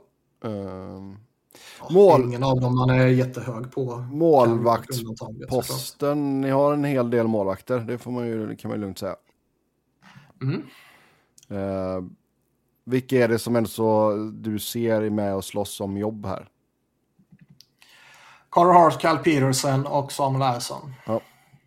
Jag, ehm, jag kan väl tänka mig att de, och det tycker väl de flesta, det är viktigare för Samuel Ersson att spela i AHL än att sitta på bänken i NHL givetvis. Mm. Um, det finns ju eh, en osäkerhetsfaktor kring Carter Hart och andra spelare som var med i den här Kanada-utredningen. Och eh, Daniel Breer hade ju fått någon fråga om det och, och framstod väl lite sådär frustrerad att de fortfarande inte har en jävla aning om vad fan som händer där typ liksom. Eh, den där utredningen har ju pågått länge, länge, länge och kommer den resultera i någonting så eh, man tycker nästan att liksom, det har hintats så många gånger nu att liksom, den kommer när som helst, den kommer när som helst, den kommer när som helst. Och sen så hör man ingenting. Eh, så lite beroende på vad som händer med honom, liksom, dels vad utredningen kommer fram till och vilka effekter det kan ge på hans spel. Kommer, han liksom, kommer det komma någon avstängning för de som är involverade eller kommer det inte göra det? Och om det inte kommer någon sån, kommer han vara mer tradebar då, som det var snack om i somras, så kommer man undersöka det då till exempel. Mm. Men är Carter Hart kvar som solklar etta så borde ju Samuel som liksom spela mer i AHL än sitta på bänken i NHL givetvis. Ja. Och då är det väl Cal Peterson som får vara hans backup typ. Felix Sandström tror jag inte man har några sådär större förhoppningar på. Okay. Då tror jag man eh, inte, inte här och nu, men framåt tror jag man hoppas betydligt mer på Kolosov och Bjarnason. Mm. Vad eh, Fedotov? Nej, han är avskriven. Han är avskriven, okej. Okay. Jag kan, alltså, du vet, han har varit borta en hel säsong och sen så uh, slänga in honom i NHL. Nej, jag tror inte på det. Men ska han spela i Nordamerika nu? Det är bekräftat. Nej, han spelar ju för eh, CSK och eh, de ligger ju i konflikt med eh, jag, vet, jag vet inte om det är NHL och KHL som ligger i konflikt angående liksom kontraktet eller om det är IIHF som driver på det. Jag, jag vet inte riktigt. Nej. Men eh, det är ju mig veterligen inte avgjort ännu. Och IIHF har ju sagt åt KHL att liksom Nej, men han får inte spela. Det, Philadelphia har rätt. Han är en Philadelphia-spelare och han behöver hedra det kontraktet. Och då säger KHL att eh, nej, det skiter vi i. Ja. Och då säger IHF att jaha, då får ni ett internationellt transferförbud. Och då säger... Eh, säger de, det skiter vi i. Ja. ja. Och så spelar de honom ändå typ. Ja. Så jag, han, han, eh, jag kan inte tänka mig att han är aktuell för att komma över. Nej, okej. Okay. Ja, då släpper vi Philly där och så går vi till... Vi har ju en sista grej också som kan vara lite betydelsefull och det är Cam Atkinson som var borta eh, hela förra året och som ja. är tillbaka igen. Mm. Och där han, Morgan Frost och Joel Farabee väntas bilda andra kedjor. Ja. Hade Kevin Atkinson varit pending UFA så hade, man kunnat, hade det kunnat varit en rejäl uh, trade piece från deadline om, uh, om mm. man hade liksom nått fornstora dagar. Eh. Det ska ju sägas också att liksom både han och Couturier är ju fullt clearade och eh, redo att köra enligt eh, Philly och de själva. Liksom. Couturier ville ju spela redan på slutet på förra säsongen men då bestämde man sig för att nej, det är bättre att avvakta. Eh, sen får man väl se här under preseason. Couturier var ju med i deras första träningsmatch och jag såg den inte men var vad man läser så var han ändå, liksom, ja han var lite rusty sådär, men det är ju rätt rimligt. men att han annars eh, liksom, nej men så, så okej okay ut typ. Liksom. Vad var det för, vad var det för skada på Atkinson? Nacken. Nacken, okej. Okay. Ja. ja. Ryggen på Guds. Ja, jo, det, det vet vi. Och dock, då går vi till Pittsburgh. Och eh, självklart stora grejen där var ju att man plockade in Erik Karlsson. Ser ut som att han kommer få lira ihop med Marcus Pettersson. Så blågult backpar där. Annars eh, på forwardsidan eh, har det kommit in lite nya gubbar också. Nu har ju Riley Smith, Lars Eller, Noel Asiari. Matt Nero, Rem Pitlick. Så de har också en pitlickare Sen verkar det som att Alex Nylander kommer få chansen också. Okej. Okay. Så lite. Det händer en del i alla fall. Dubas kommer in och rör om i grytan. Ja. Ryan Graves också in på backsidan, ska vi säga. Vet han om att det är Alex och inte William Nylander? Ja, det lär han nog veta. För Men det är inte självklart att Alexander Nylander har eh, förtjänat en uh, plats. nej, det har han ju liksom. varit ganska långt ifrån Mm. faktiskt. Ehm, men jag tycker att de har... Um, Dubas har väl gjort vad han kunnat. Mm. Ehm, sen kanske man... Jag hade inte lagt två och en halv på Lars Eller kanske. Så där, men alltså det... Ja. Han, hans jobb är ju att klämma ur det sista ur den här kåren. Och... Uh, Erik Karlsson-traden var ju en av sommarens eh, bättre, skulle jag säga. Mm. Alltså med tanke på att man dessutom blev av med skitkontrakt i den dealen. Mm. Det var ju en win-win-win för Pittsburgh. Liksom. win, win, win. Ja. ja. Tror ni Karlsson fortfarande är en glad pitt? Ja. Ja, men alltså det, det, det även med Karlsson in så jag menar detta är ju fortfarande. De är ju inte givet slutspelslag. Eh, Jag, tyck, jag skulle väl säga att Eller? Pittsburgh är väl ett, eh, ett, ett bubble team, men lite på, på den övre eh, halvan av ja, bubble men team. man kommer, slåss, så. man kommer slåss om en wildcard-plats. Ja, Ja. jag, jag, jag håller ju liksom Keynes Devils Rangers högre och då kommer de ju per definition vara ett bubble team. Typ. Eller villkortslag, eller Mm. Ja. hur man nu vill definiera det. Däremot så tror jag ju, det, det sa jag ju redan när eh, under, eller efter Karlsson-traden, att eh, jag skulle aldrig räkna bort ett lag med Crosby, Malkin, Letang, Karlsson och sen kan man väl slänga in lite Jake Ginsel och sånt här eh, i en matchserie. Ja. Det är ju ändå en, eh, en core med fortsatt väldigt hög eh, nivå i sig. Så är de bara liksom är Letang och Malkin och Karlsson eh, skadefria och alla har ju haft lite problem så det är ju lite oroväckande sådär. Och sen Crosby är ju gott slag så då kan de ställa till problem med vilket lag som helst. Jag skulle aldrig räkna bort dem så. Sen är det ju inte, det är inte samma contender-status på dem som tidigare såklart. Nej. Uh, Forwardsbesättningen är ju okej där uppe liksom och sen så betydligt svagare. Backbesättningen är ju, topp fyra är ju bra eller jättebra liksom och sen betydligt svagare. Och sen så målvakterna är ju eh, målvakter. Ja, alltså Tristan Jari och Alex Nedelkovic där. Uh, man bankar ju ändå så på Tristan Jari med tanke på kontrakt och så vidare. Um, Ja, och han har väl varit okej. Han har väl eh, en höjd i sig att kunna ha en eh, ännu bättre säsong här och där. Men han skulle också kunna eh, fallera något år. Han är ju en sån här middle of the pack målvakt känns det som. Som eh, kan gå lite åt båda hållen. jo, exakt. Ja, yes. Men man, det, är- det, är- jag sa ju också det efter traden där. Det, det är ju sån här satsning man vill se ändå när man fortfarande har liksom bra slagkraftiga ikoner som börjar bli lite till åren. Man vill ju inte att man bara ska nedmontera och göra Chicago-vägen liksom, om man är supporter. Alltså det är ju roligare att eh, slåss in i kaklet. Eh, än att, eh, ja, låt säga, liksom börja trada iväg legendarer i slutet på säsong, i karriären för att boosta sin rebuild. Det kanske liksom är smartare, men det är ju inte roligare att göra. Eh, Mm. Nej, det är helt, helt sant.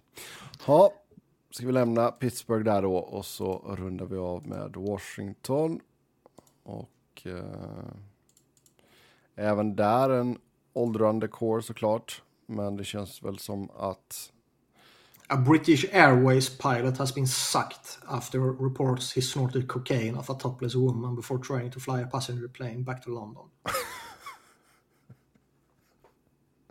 När du sa sagt så tycker jag det lät som sakta. Jag bara okej, okay, sagt into the engine eller vad sagt? Okay, det ja. kanske var både och. Ja. Ja.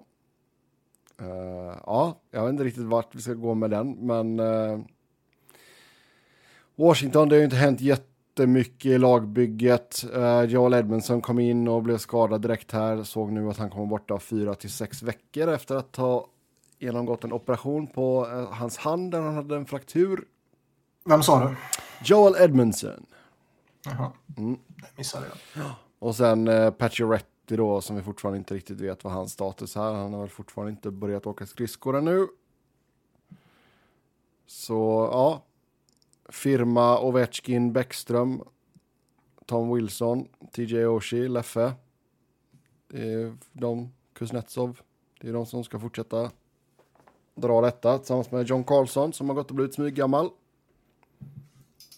Eh, de får ju gärna fortsätta bomma slutspel. Det är hög tid att Caps börjar falla av nu efter vi har sagt det i hur många år som helst.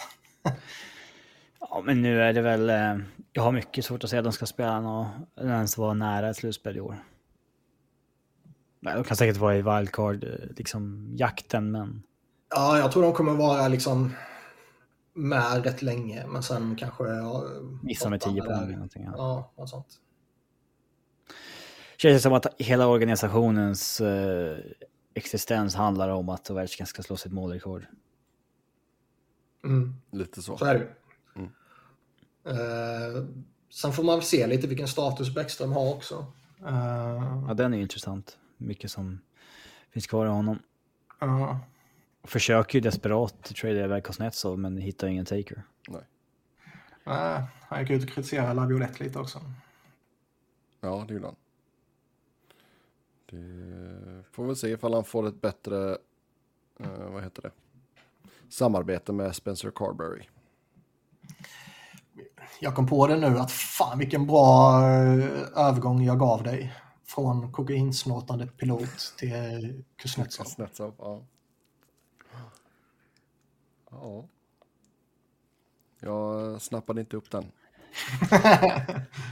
Sen också alltså Rasmus Sandin som han eh, avslutade säsongen i Washington.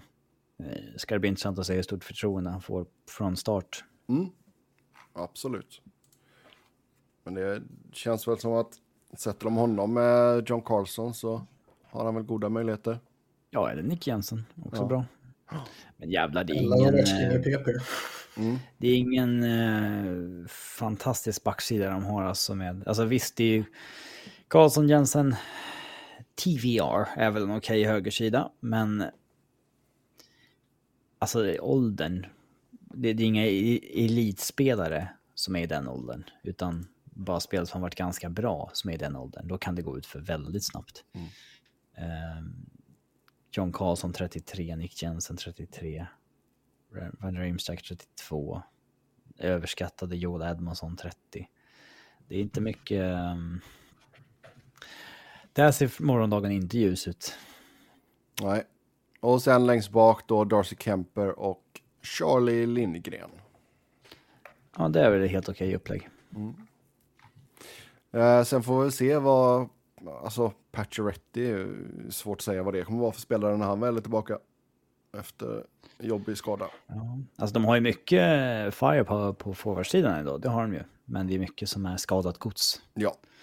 Um, förfallet liksom i Kuznetsov och sådär. Men det finns ju fortfarande någonting kvar där i. Det tror man ju. Mm. Anthony Manta, det, den chansningen gick ju inte riktigt hem. Nej, det kan man nog säga. Inte för att Vrana gick så bra i Detroit heller, som nej. gick andra hållet. Men, nej, nej, nej. Um, ja, den har inte alls fallit väl ut för Washington. Nej. 11 mål i fjol. Den är tuff. Den är tuff. Nej, men alltså i bästa fall så är de väl uh, med in i slutet och nosar på en wildcard-plats liksom. Men det kan mycket väl se dem sluta sexa eller sjua. Nej, men de kommer ju göra upp alla de här bubbelplatserna. Det är, det är som jag sa, liksom, det är ju tajt som fan bakom de tre. Och det, beroende lite på skadeläge och målvaktsprestationer och sådär så känns det nästan som att alla de lagen kan hamna lite var som helst. Mm. Fyra till sju. Ja. Då kör vi eh, vår andra del i den stora pingpongtävlingen. Och eh, förhoppningsvis lite mindre kaos än förra avsnittet. Eh, står 4-4 efter åtta lag. Och eh, som sagt, då är det topp 10 bästa poängplockarna genom tiderna i respektive lag som ni ska gissa. Och den som vinner laget får en poäng. Så eh, börjar med Carolina då. Och eh, nu glömde jag av vem som började sist. Det är väl skitsamma. Så Niklas får börja. Carolina säger du. Ja, 377 poäng ska man ha gjort för att ta sig in på topp 10. Då säger jag Ron Francis. Ja.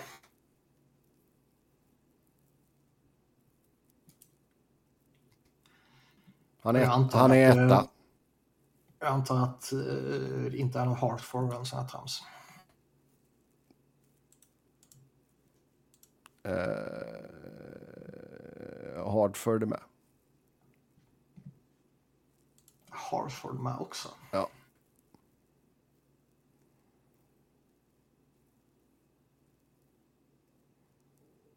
Då kan det ju bli lite eh,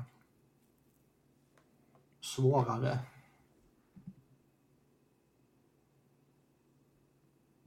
Nu tappade Lilleman. Kanske vi gjorde. Ja, nej, sorry. Det var min tur. Okej. Eh, du sa Ron Francis. Men jag kan, uh, vänta. Jag kan, Vad ska, vi ta, ska vi ta bort, uh, ska vi ta bort Hartford? Ja. Okej, vänta då så ska jag läsa det. Väl. Ja, vänta då. Vänta. Vänta så ska jag lösa det precis som du är liksom Ja. ja. superhacker. Ja, exakt. Inte alls, men uh, ska vi se.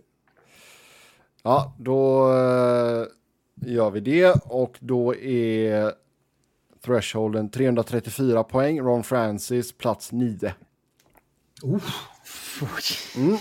Det var kul om det var då... Ja, och då är Ron Francis 11, så Ja. det blev en bom för Niklas. Jag trodde eh, fan ändå han skulle vara högre upp även på bara Carolina-åren. Eriksdal. Ja, han är etta. Och som sagt, då är det 334 poäng som gäller nu. Rod the Bud. Ja, han är tvåa.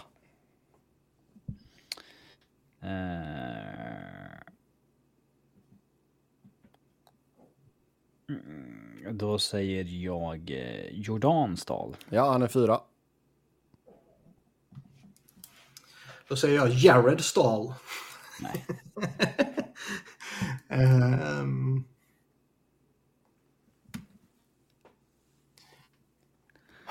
det känns ju som att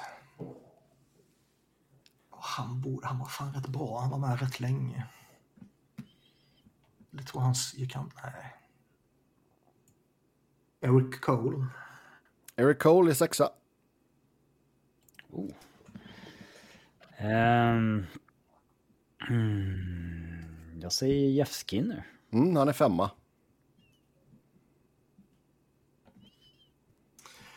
Nu är jag ju i ett läge där jag känner att det börjar bli lite svårt att när man ska välja mellan nuvarande eller gamla.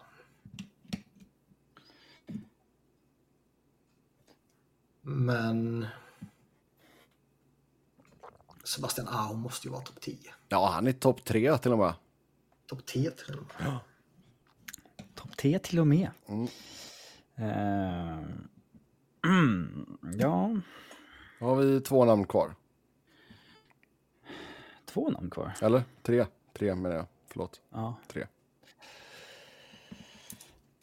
Ha. Plats 7, 8 och 10.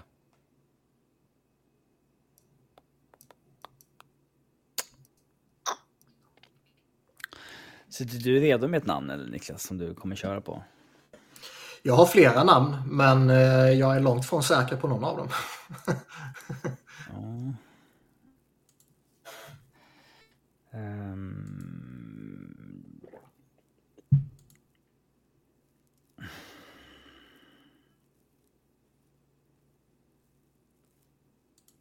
Jag har fan svårt att komma på namn alltså. Så, eh, irrelevant lag tyvärr. Ehm, Säg inte så till Emil.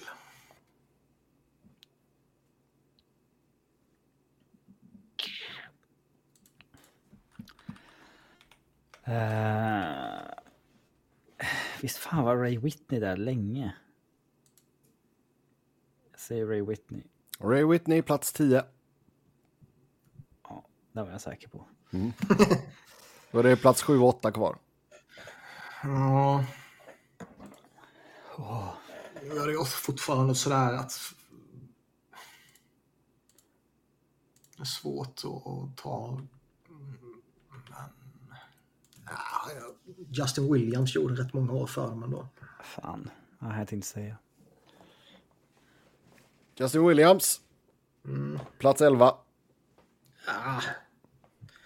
Var Kapanen inne? Ja, du kan inte säga någonting för du, du har inte vunnit, eller Robin har inte vunnit ännu.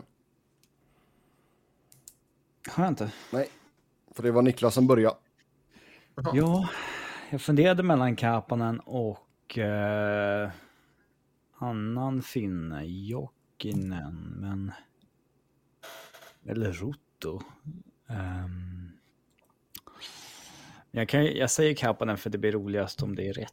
Mm, Kapanen, Kapanen är fel. Ah, fan.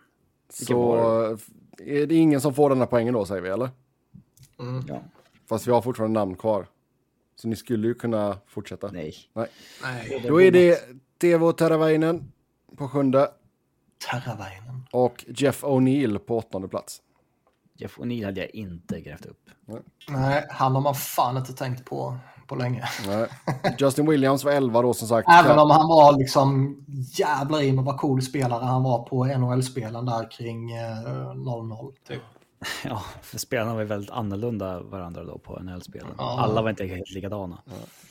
Kapanen var 12 Svesjnikov i 13 plats. Så, ja. Då är det fortsatt 4-4 då när vi går till Columbus och Robin börjar.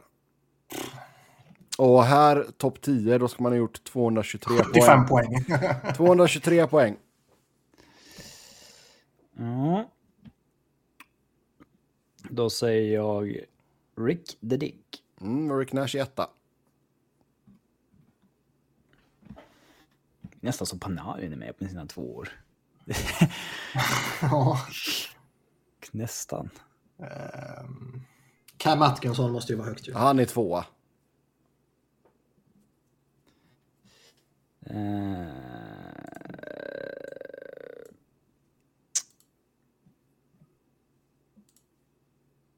Det är sån låg threshold att det är liksom lite farligt att bara slänga ur sig något namn som var där några säsonger. Ehm. Jag känner kanske mig mest säker på Ryan Johansson. Nej, plats 13. Va? Mm. Var inte han typ fem år? 309 matcher. 193 poäng. Shit. Riktig freebie för Niklas då. Verkligen. Ja, fast så jävla enkelt är det inte. Jag skulle trott att Ryan Johansson var en solklar typ topp 5. Eh, men...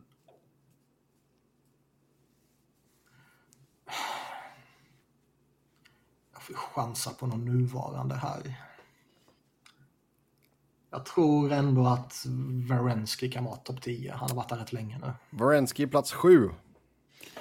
Då har vi Nick Folino, plats 3. Boone Jenner, Fyra, David Viborny. Femma, RJ Umberger. Sexa, Wierenski. Sjua då. Oliver Bjorkstrand. Åtta, Brandon Dubinski. Nia, Seth Jones. Tia.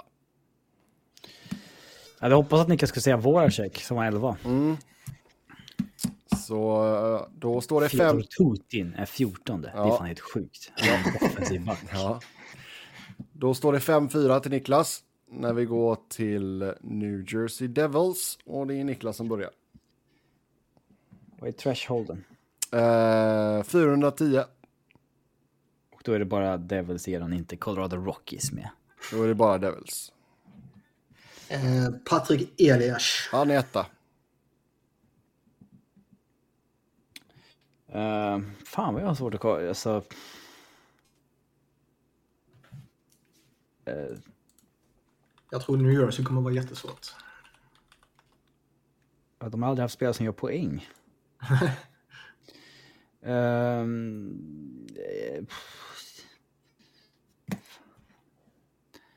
jag vet inte om jag inte är vaken än. Svårt att ens komma på namn liksom. Eh,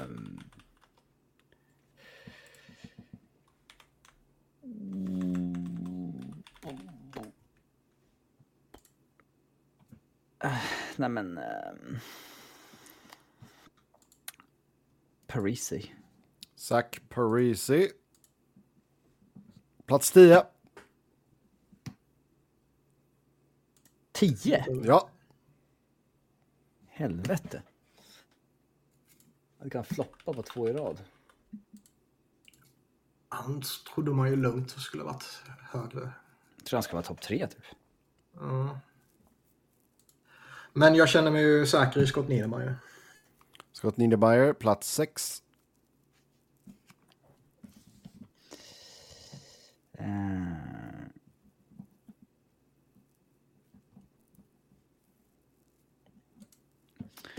Då säger jag eh, Bobby Holik. Bobby Holik, plats 7. Scott Stevens måste vara med där uppe. Så jävla många matcher. Scott Stevens, plats 9. Det var lugnt. Ehm, Jason Arnott kanske jag inte säger än. Uh, uh, Sajak. Travis Sajak, plats 3. Han är ju väldigt bock. Alltså, jag har inte tänkt på Travis Sajak på tre år. Vad kan vi mer ha? Ehm,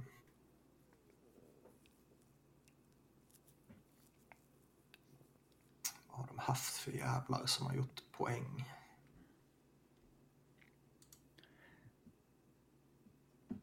Jag eh, skyller ju precis allting på Simpa som har hypat upp Sykora så jävla mycket så att han borde vara typ tvåa på listan.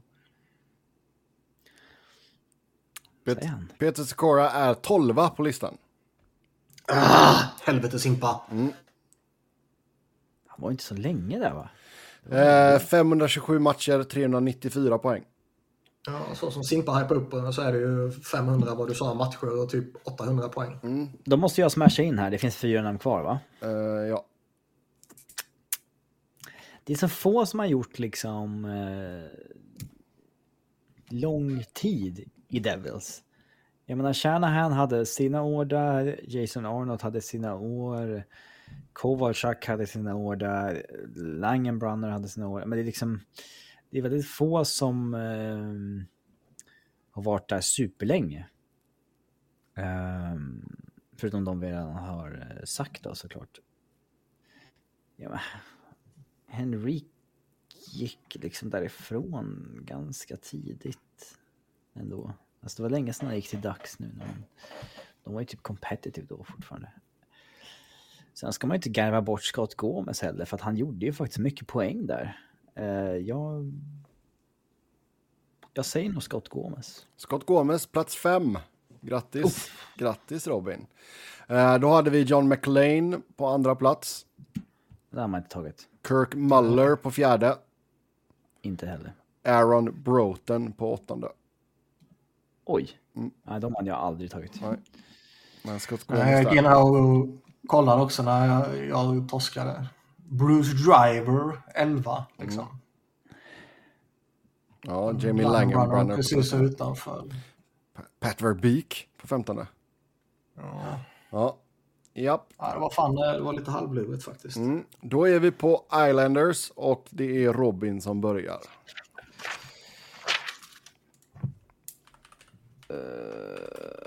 Islanders. Det här är jobbigt. För här är Niklas övertag med sin ålder. Eh, Så gammal är jag inte. Ska vi se. Nej, Här men ska du- man ha gjort 542 poäng.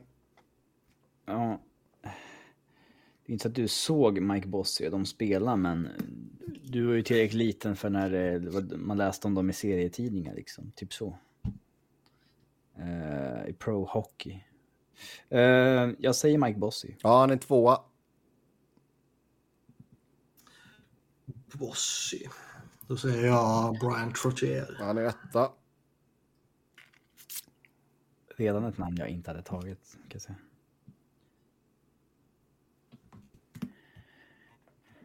Eh, John Tavares. John Tavares är femma. Tavares. Eh, vi drar väl till med... Ska jag spara? Nej, vi driver av Potvin direkt. Potvin är trea. Så högt. Jag hade han liksom i huvudet, men jag visste 1060 Fixade in matcher. poäng. 1060 matcher, 1052 poäng.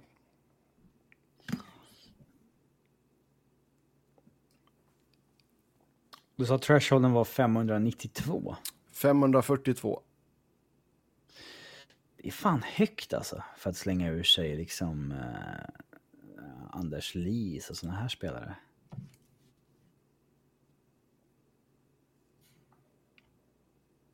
...542. Nej. Sån figur är inte uppe i det.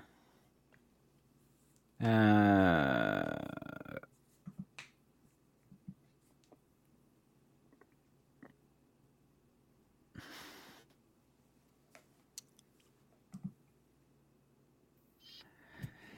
Mm. Jag tror jag har sagt alla gamla gubbar från den här tiden. Inte alla har vi inte sagt, men de som... Super Household i alla fall. Uh, jag släng...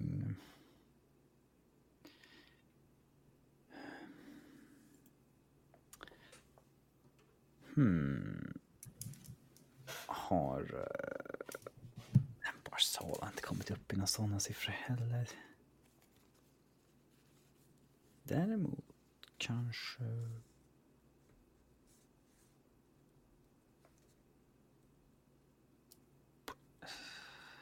Nej. Jag eh,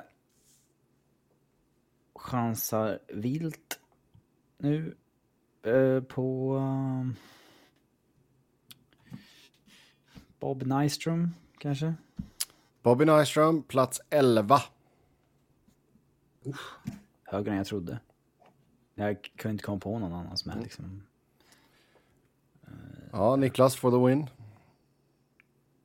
Jag hade två eh, uppskrivna här och jag skulle mm, sagt Bob Nystrom först. Men eh,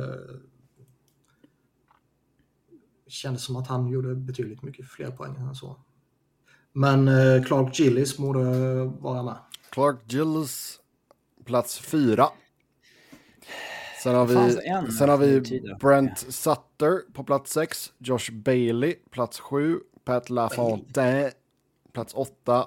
John Tonelli, plats 9. Och Bob Bourne på plats 10. LaFontaine har jag helt glömt att han var i Islanders. Han är Buffalo Rangers för mig. Ja, verkligen. Då för mig. står det 6-4 till Niklas. När vi går till Rangers. Och det är Niklas som börjar. Här ska man ha gjort 507 poäng. 507 poäng, det är också en del alltså. Men eh, man känner sig ju otroligt trygg i, han kanske till och med kan vara etta, men Brian Leach. Han är tvåa. Tvåa bara. Hur många poäng sa du att det var? 507. Okej. Leach. 507.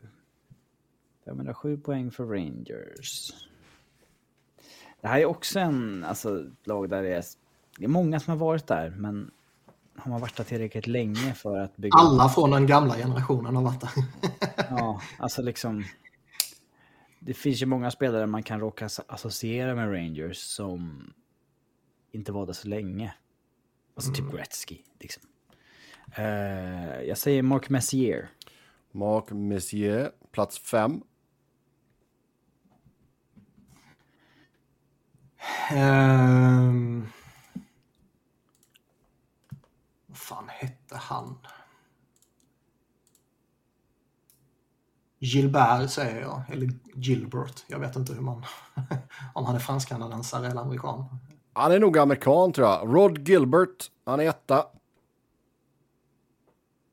1021 poäng idag. Rod sa du. Rod Gilbert. Förnamnet kommer jag inte riktigt ihåg. Det låter sexigare om man säger Gilbert. Rod Gilbert. Roderick. Ja. Det är många så här kluriga namn. Lane, eh, inte Lindros, han gjorde inte det, men Kovalev och Det är Gabor, många, Nash. många sådana konstiga namn här. Ja. Som var där och jättebra i ett par år, men var det så många år att man jagar liksom. Det...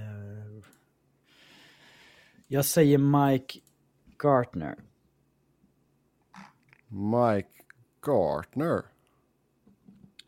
Var det inte han, alltså det är väl en av de äldre som, men han var väl i Rangers, eller?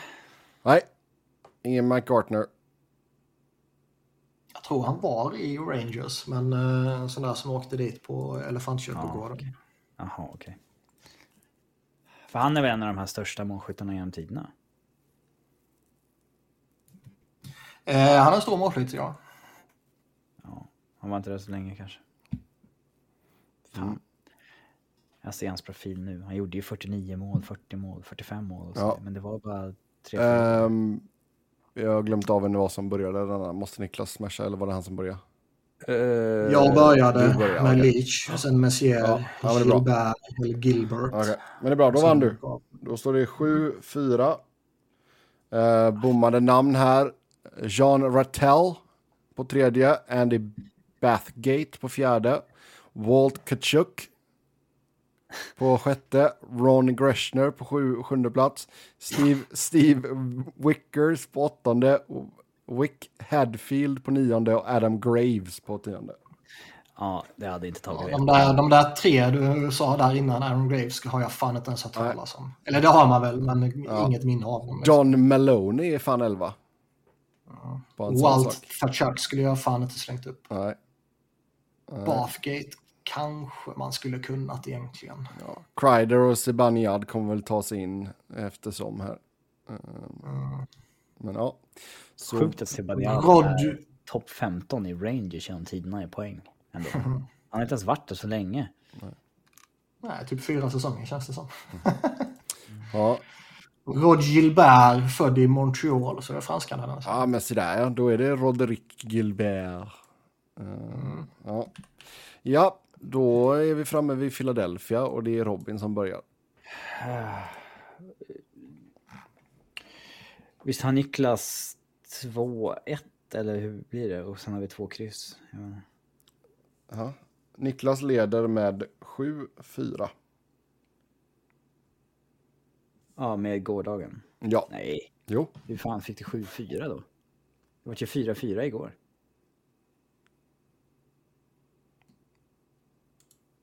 Ja, det var 4-4 igår. Niklas har inte 3-0 idag. Jo. Nej. Jag vann ju Devils. 6-5 då. Mm. Ja. Jävla sunkig Tryckt att det är du som räknar. Så det är- 6-5! Philly. Eller vänta nu. Vänta nu. Vem vann Carolina? Eh, Eh, Jag ska se, jag har skrivit upp allt. Ja, det är bra. Tack. Det var ingen. Ja, Okej. kryss. Ja, Sen var Niklas Columbus eftersom jag sa... eh, ja. Johansson. Då var det 5-4 där då. sen så vann jag Devils, så var det 5-5. Ja. Sen så... Uh, Vann jag eh, Islanders Ja. och Och Rangers. eh, Rangers. Okej, så 7-5. Ja, Ja, det är bra. 7-5. tar sikte på 8-5 här nu. Eh, men... Eh, vems tur är det att börja? Det är du som börjar. Då säger jag... Ska jag försöka ta namn här? Jag ska, finns jag ska säga också att här är det 604 poäng. Ja, det är mycket. Mm. Men jag säger Claude Giroux. Ja, han är tvåa. Jo, då säger jag Bobby Clark. Mm, han är etta.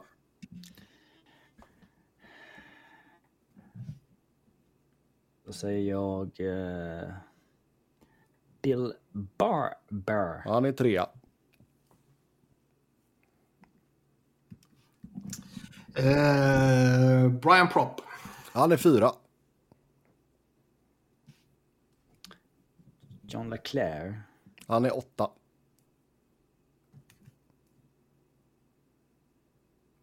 Eric Lindros. Plats nummer sex.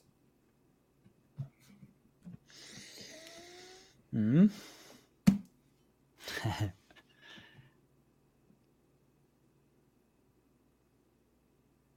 Uh,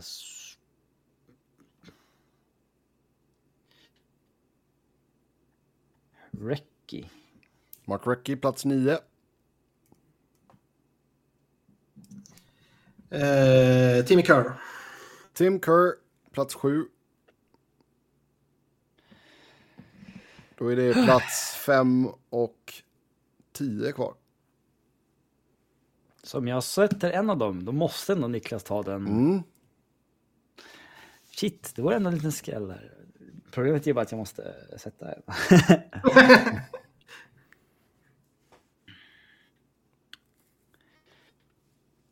jag velar mellan typ...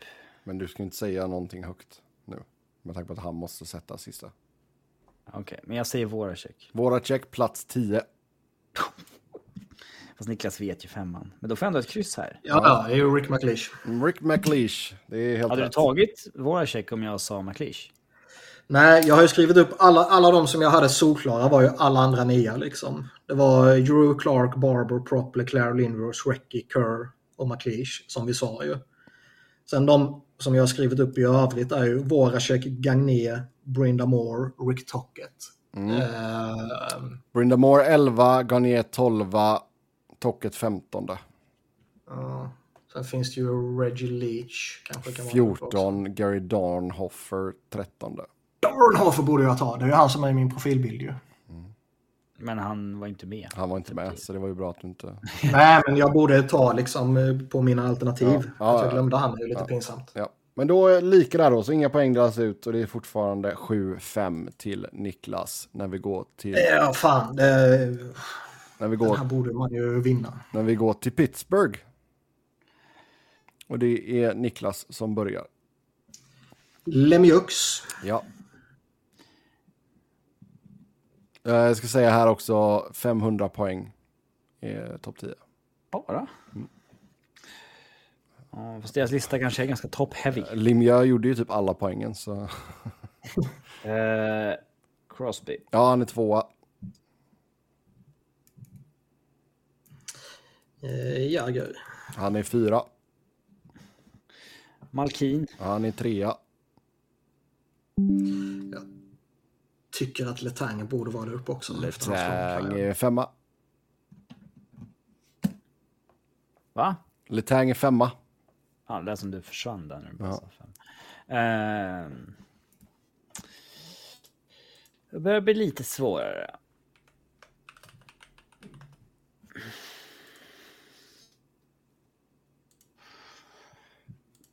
Visst.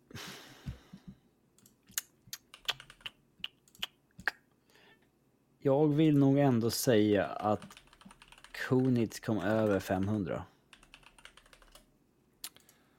Vad sa du? Kunitz? Nej, det sa jag inte. Jo, det sa du. Det är fel. Det är så lätt att läsa om det är rätt bara på dig. Fel. Okej, fan. Han är plats 15. 15? Mm. Ja, då... ehm, eh, Niklas har redan sagt tre, så att, ja. Ja, då vann han. Jag, jag skrev upp Francis och Stevens också. Ja, vi hade Rick Kehoe på sjätte, Ron Francis på sjunde, Sean Provonost på åttonde, Kevin Stevens nionde och Syl Apps Jr. på tionde. Okej, det är bara Ron Francis som hade haft chans att ta, kan jag säga. Poäng till Niklas och det står 8-5 nu. Jag var inne på Kovalev och Recki och... Ja. Mm, Kovalev är 19 plats. Så, En som det känns gjorde mycket mera poäng där än man tänker. Det är ju Martin Straka, men han är ändå 11 säger jag. ja, Alltså, han är 11. Paul Coffey hade ju bra poängsnitt och var 12 där. 440 poäng på 331 matcher. Coffee är lurig liksom. Efter Edmonton så horade han runt rätt mycket. Ja. Ja, då är det Washington Capitals och det är Robin som börjar då. Ja. Ehm. Vad är thresholden? Den ligger på 547 poäng. Då säger jag Ovechkin. Han är etta. Bäckström. Han är tvåa.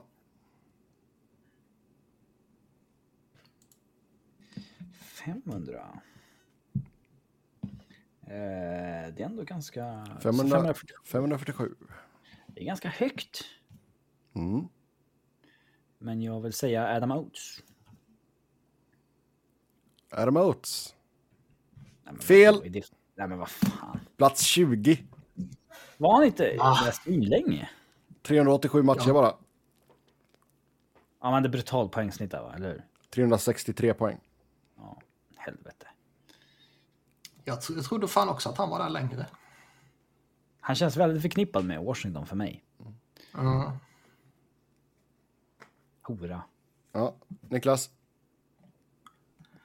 Eh, ja, nej, men Peter Bondra är ju given ju. Peter Bondra är trea. Sen Mike Gartner fyra. John Carlson.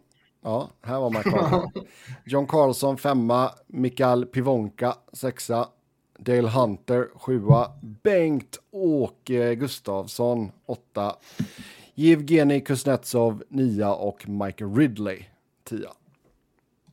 Kalle Johansson 11. Ja. Det är fan sjukt. Ja. Då har vi alltså nio, Fan, rätt många här man inte skulle eh, ens tänkt på ändå alltså. Ja, det nio är... fem till Niklas. Jag var lite inne på att säga på TJ Oshie också tills jag hörde att thresholden var så jävla hög. Ja. TJ Oshie plats 21. Så ja.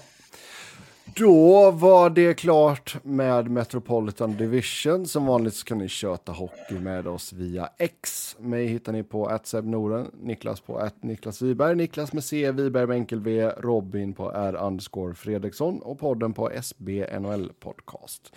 Tills nästa gång, ha det gött, hej!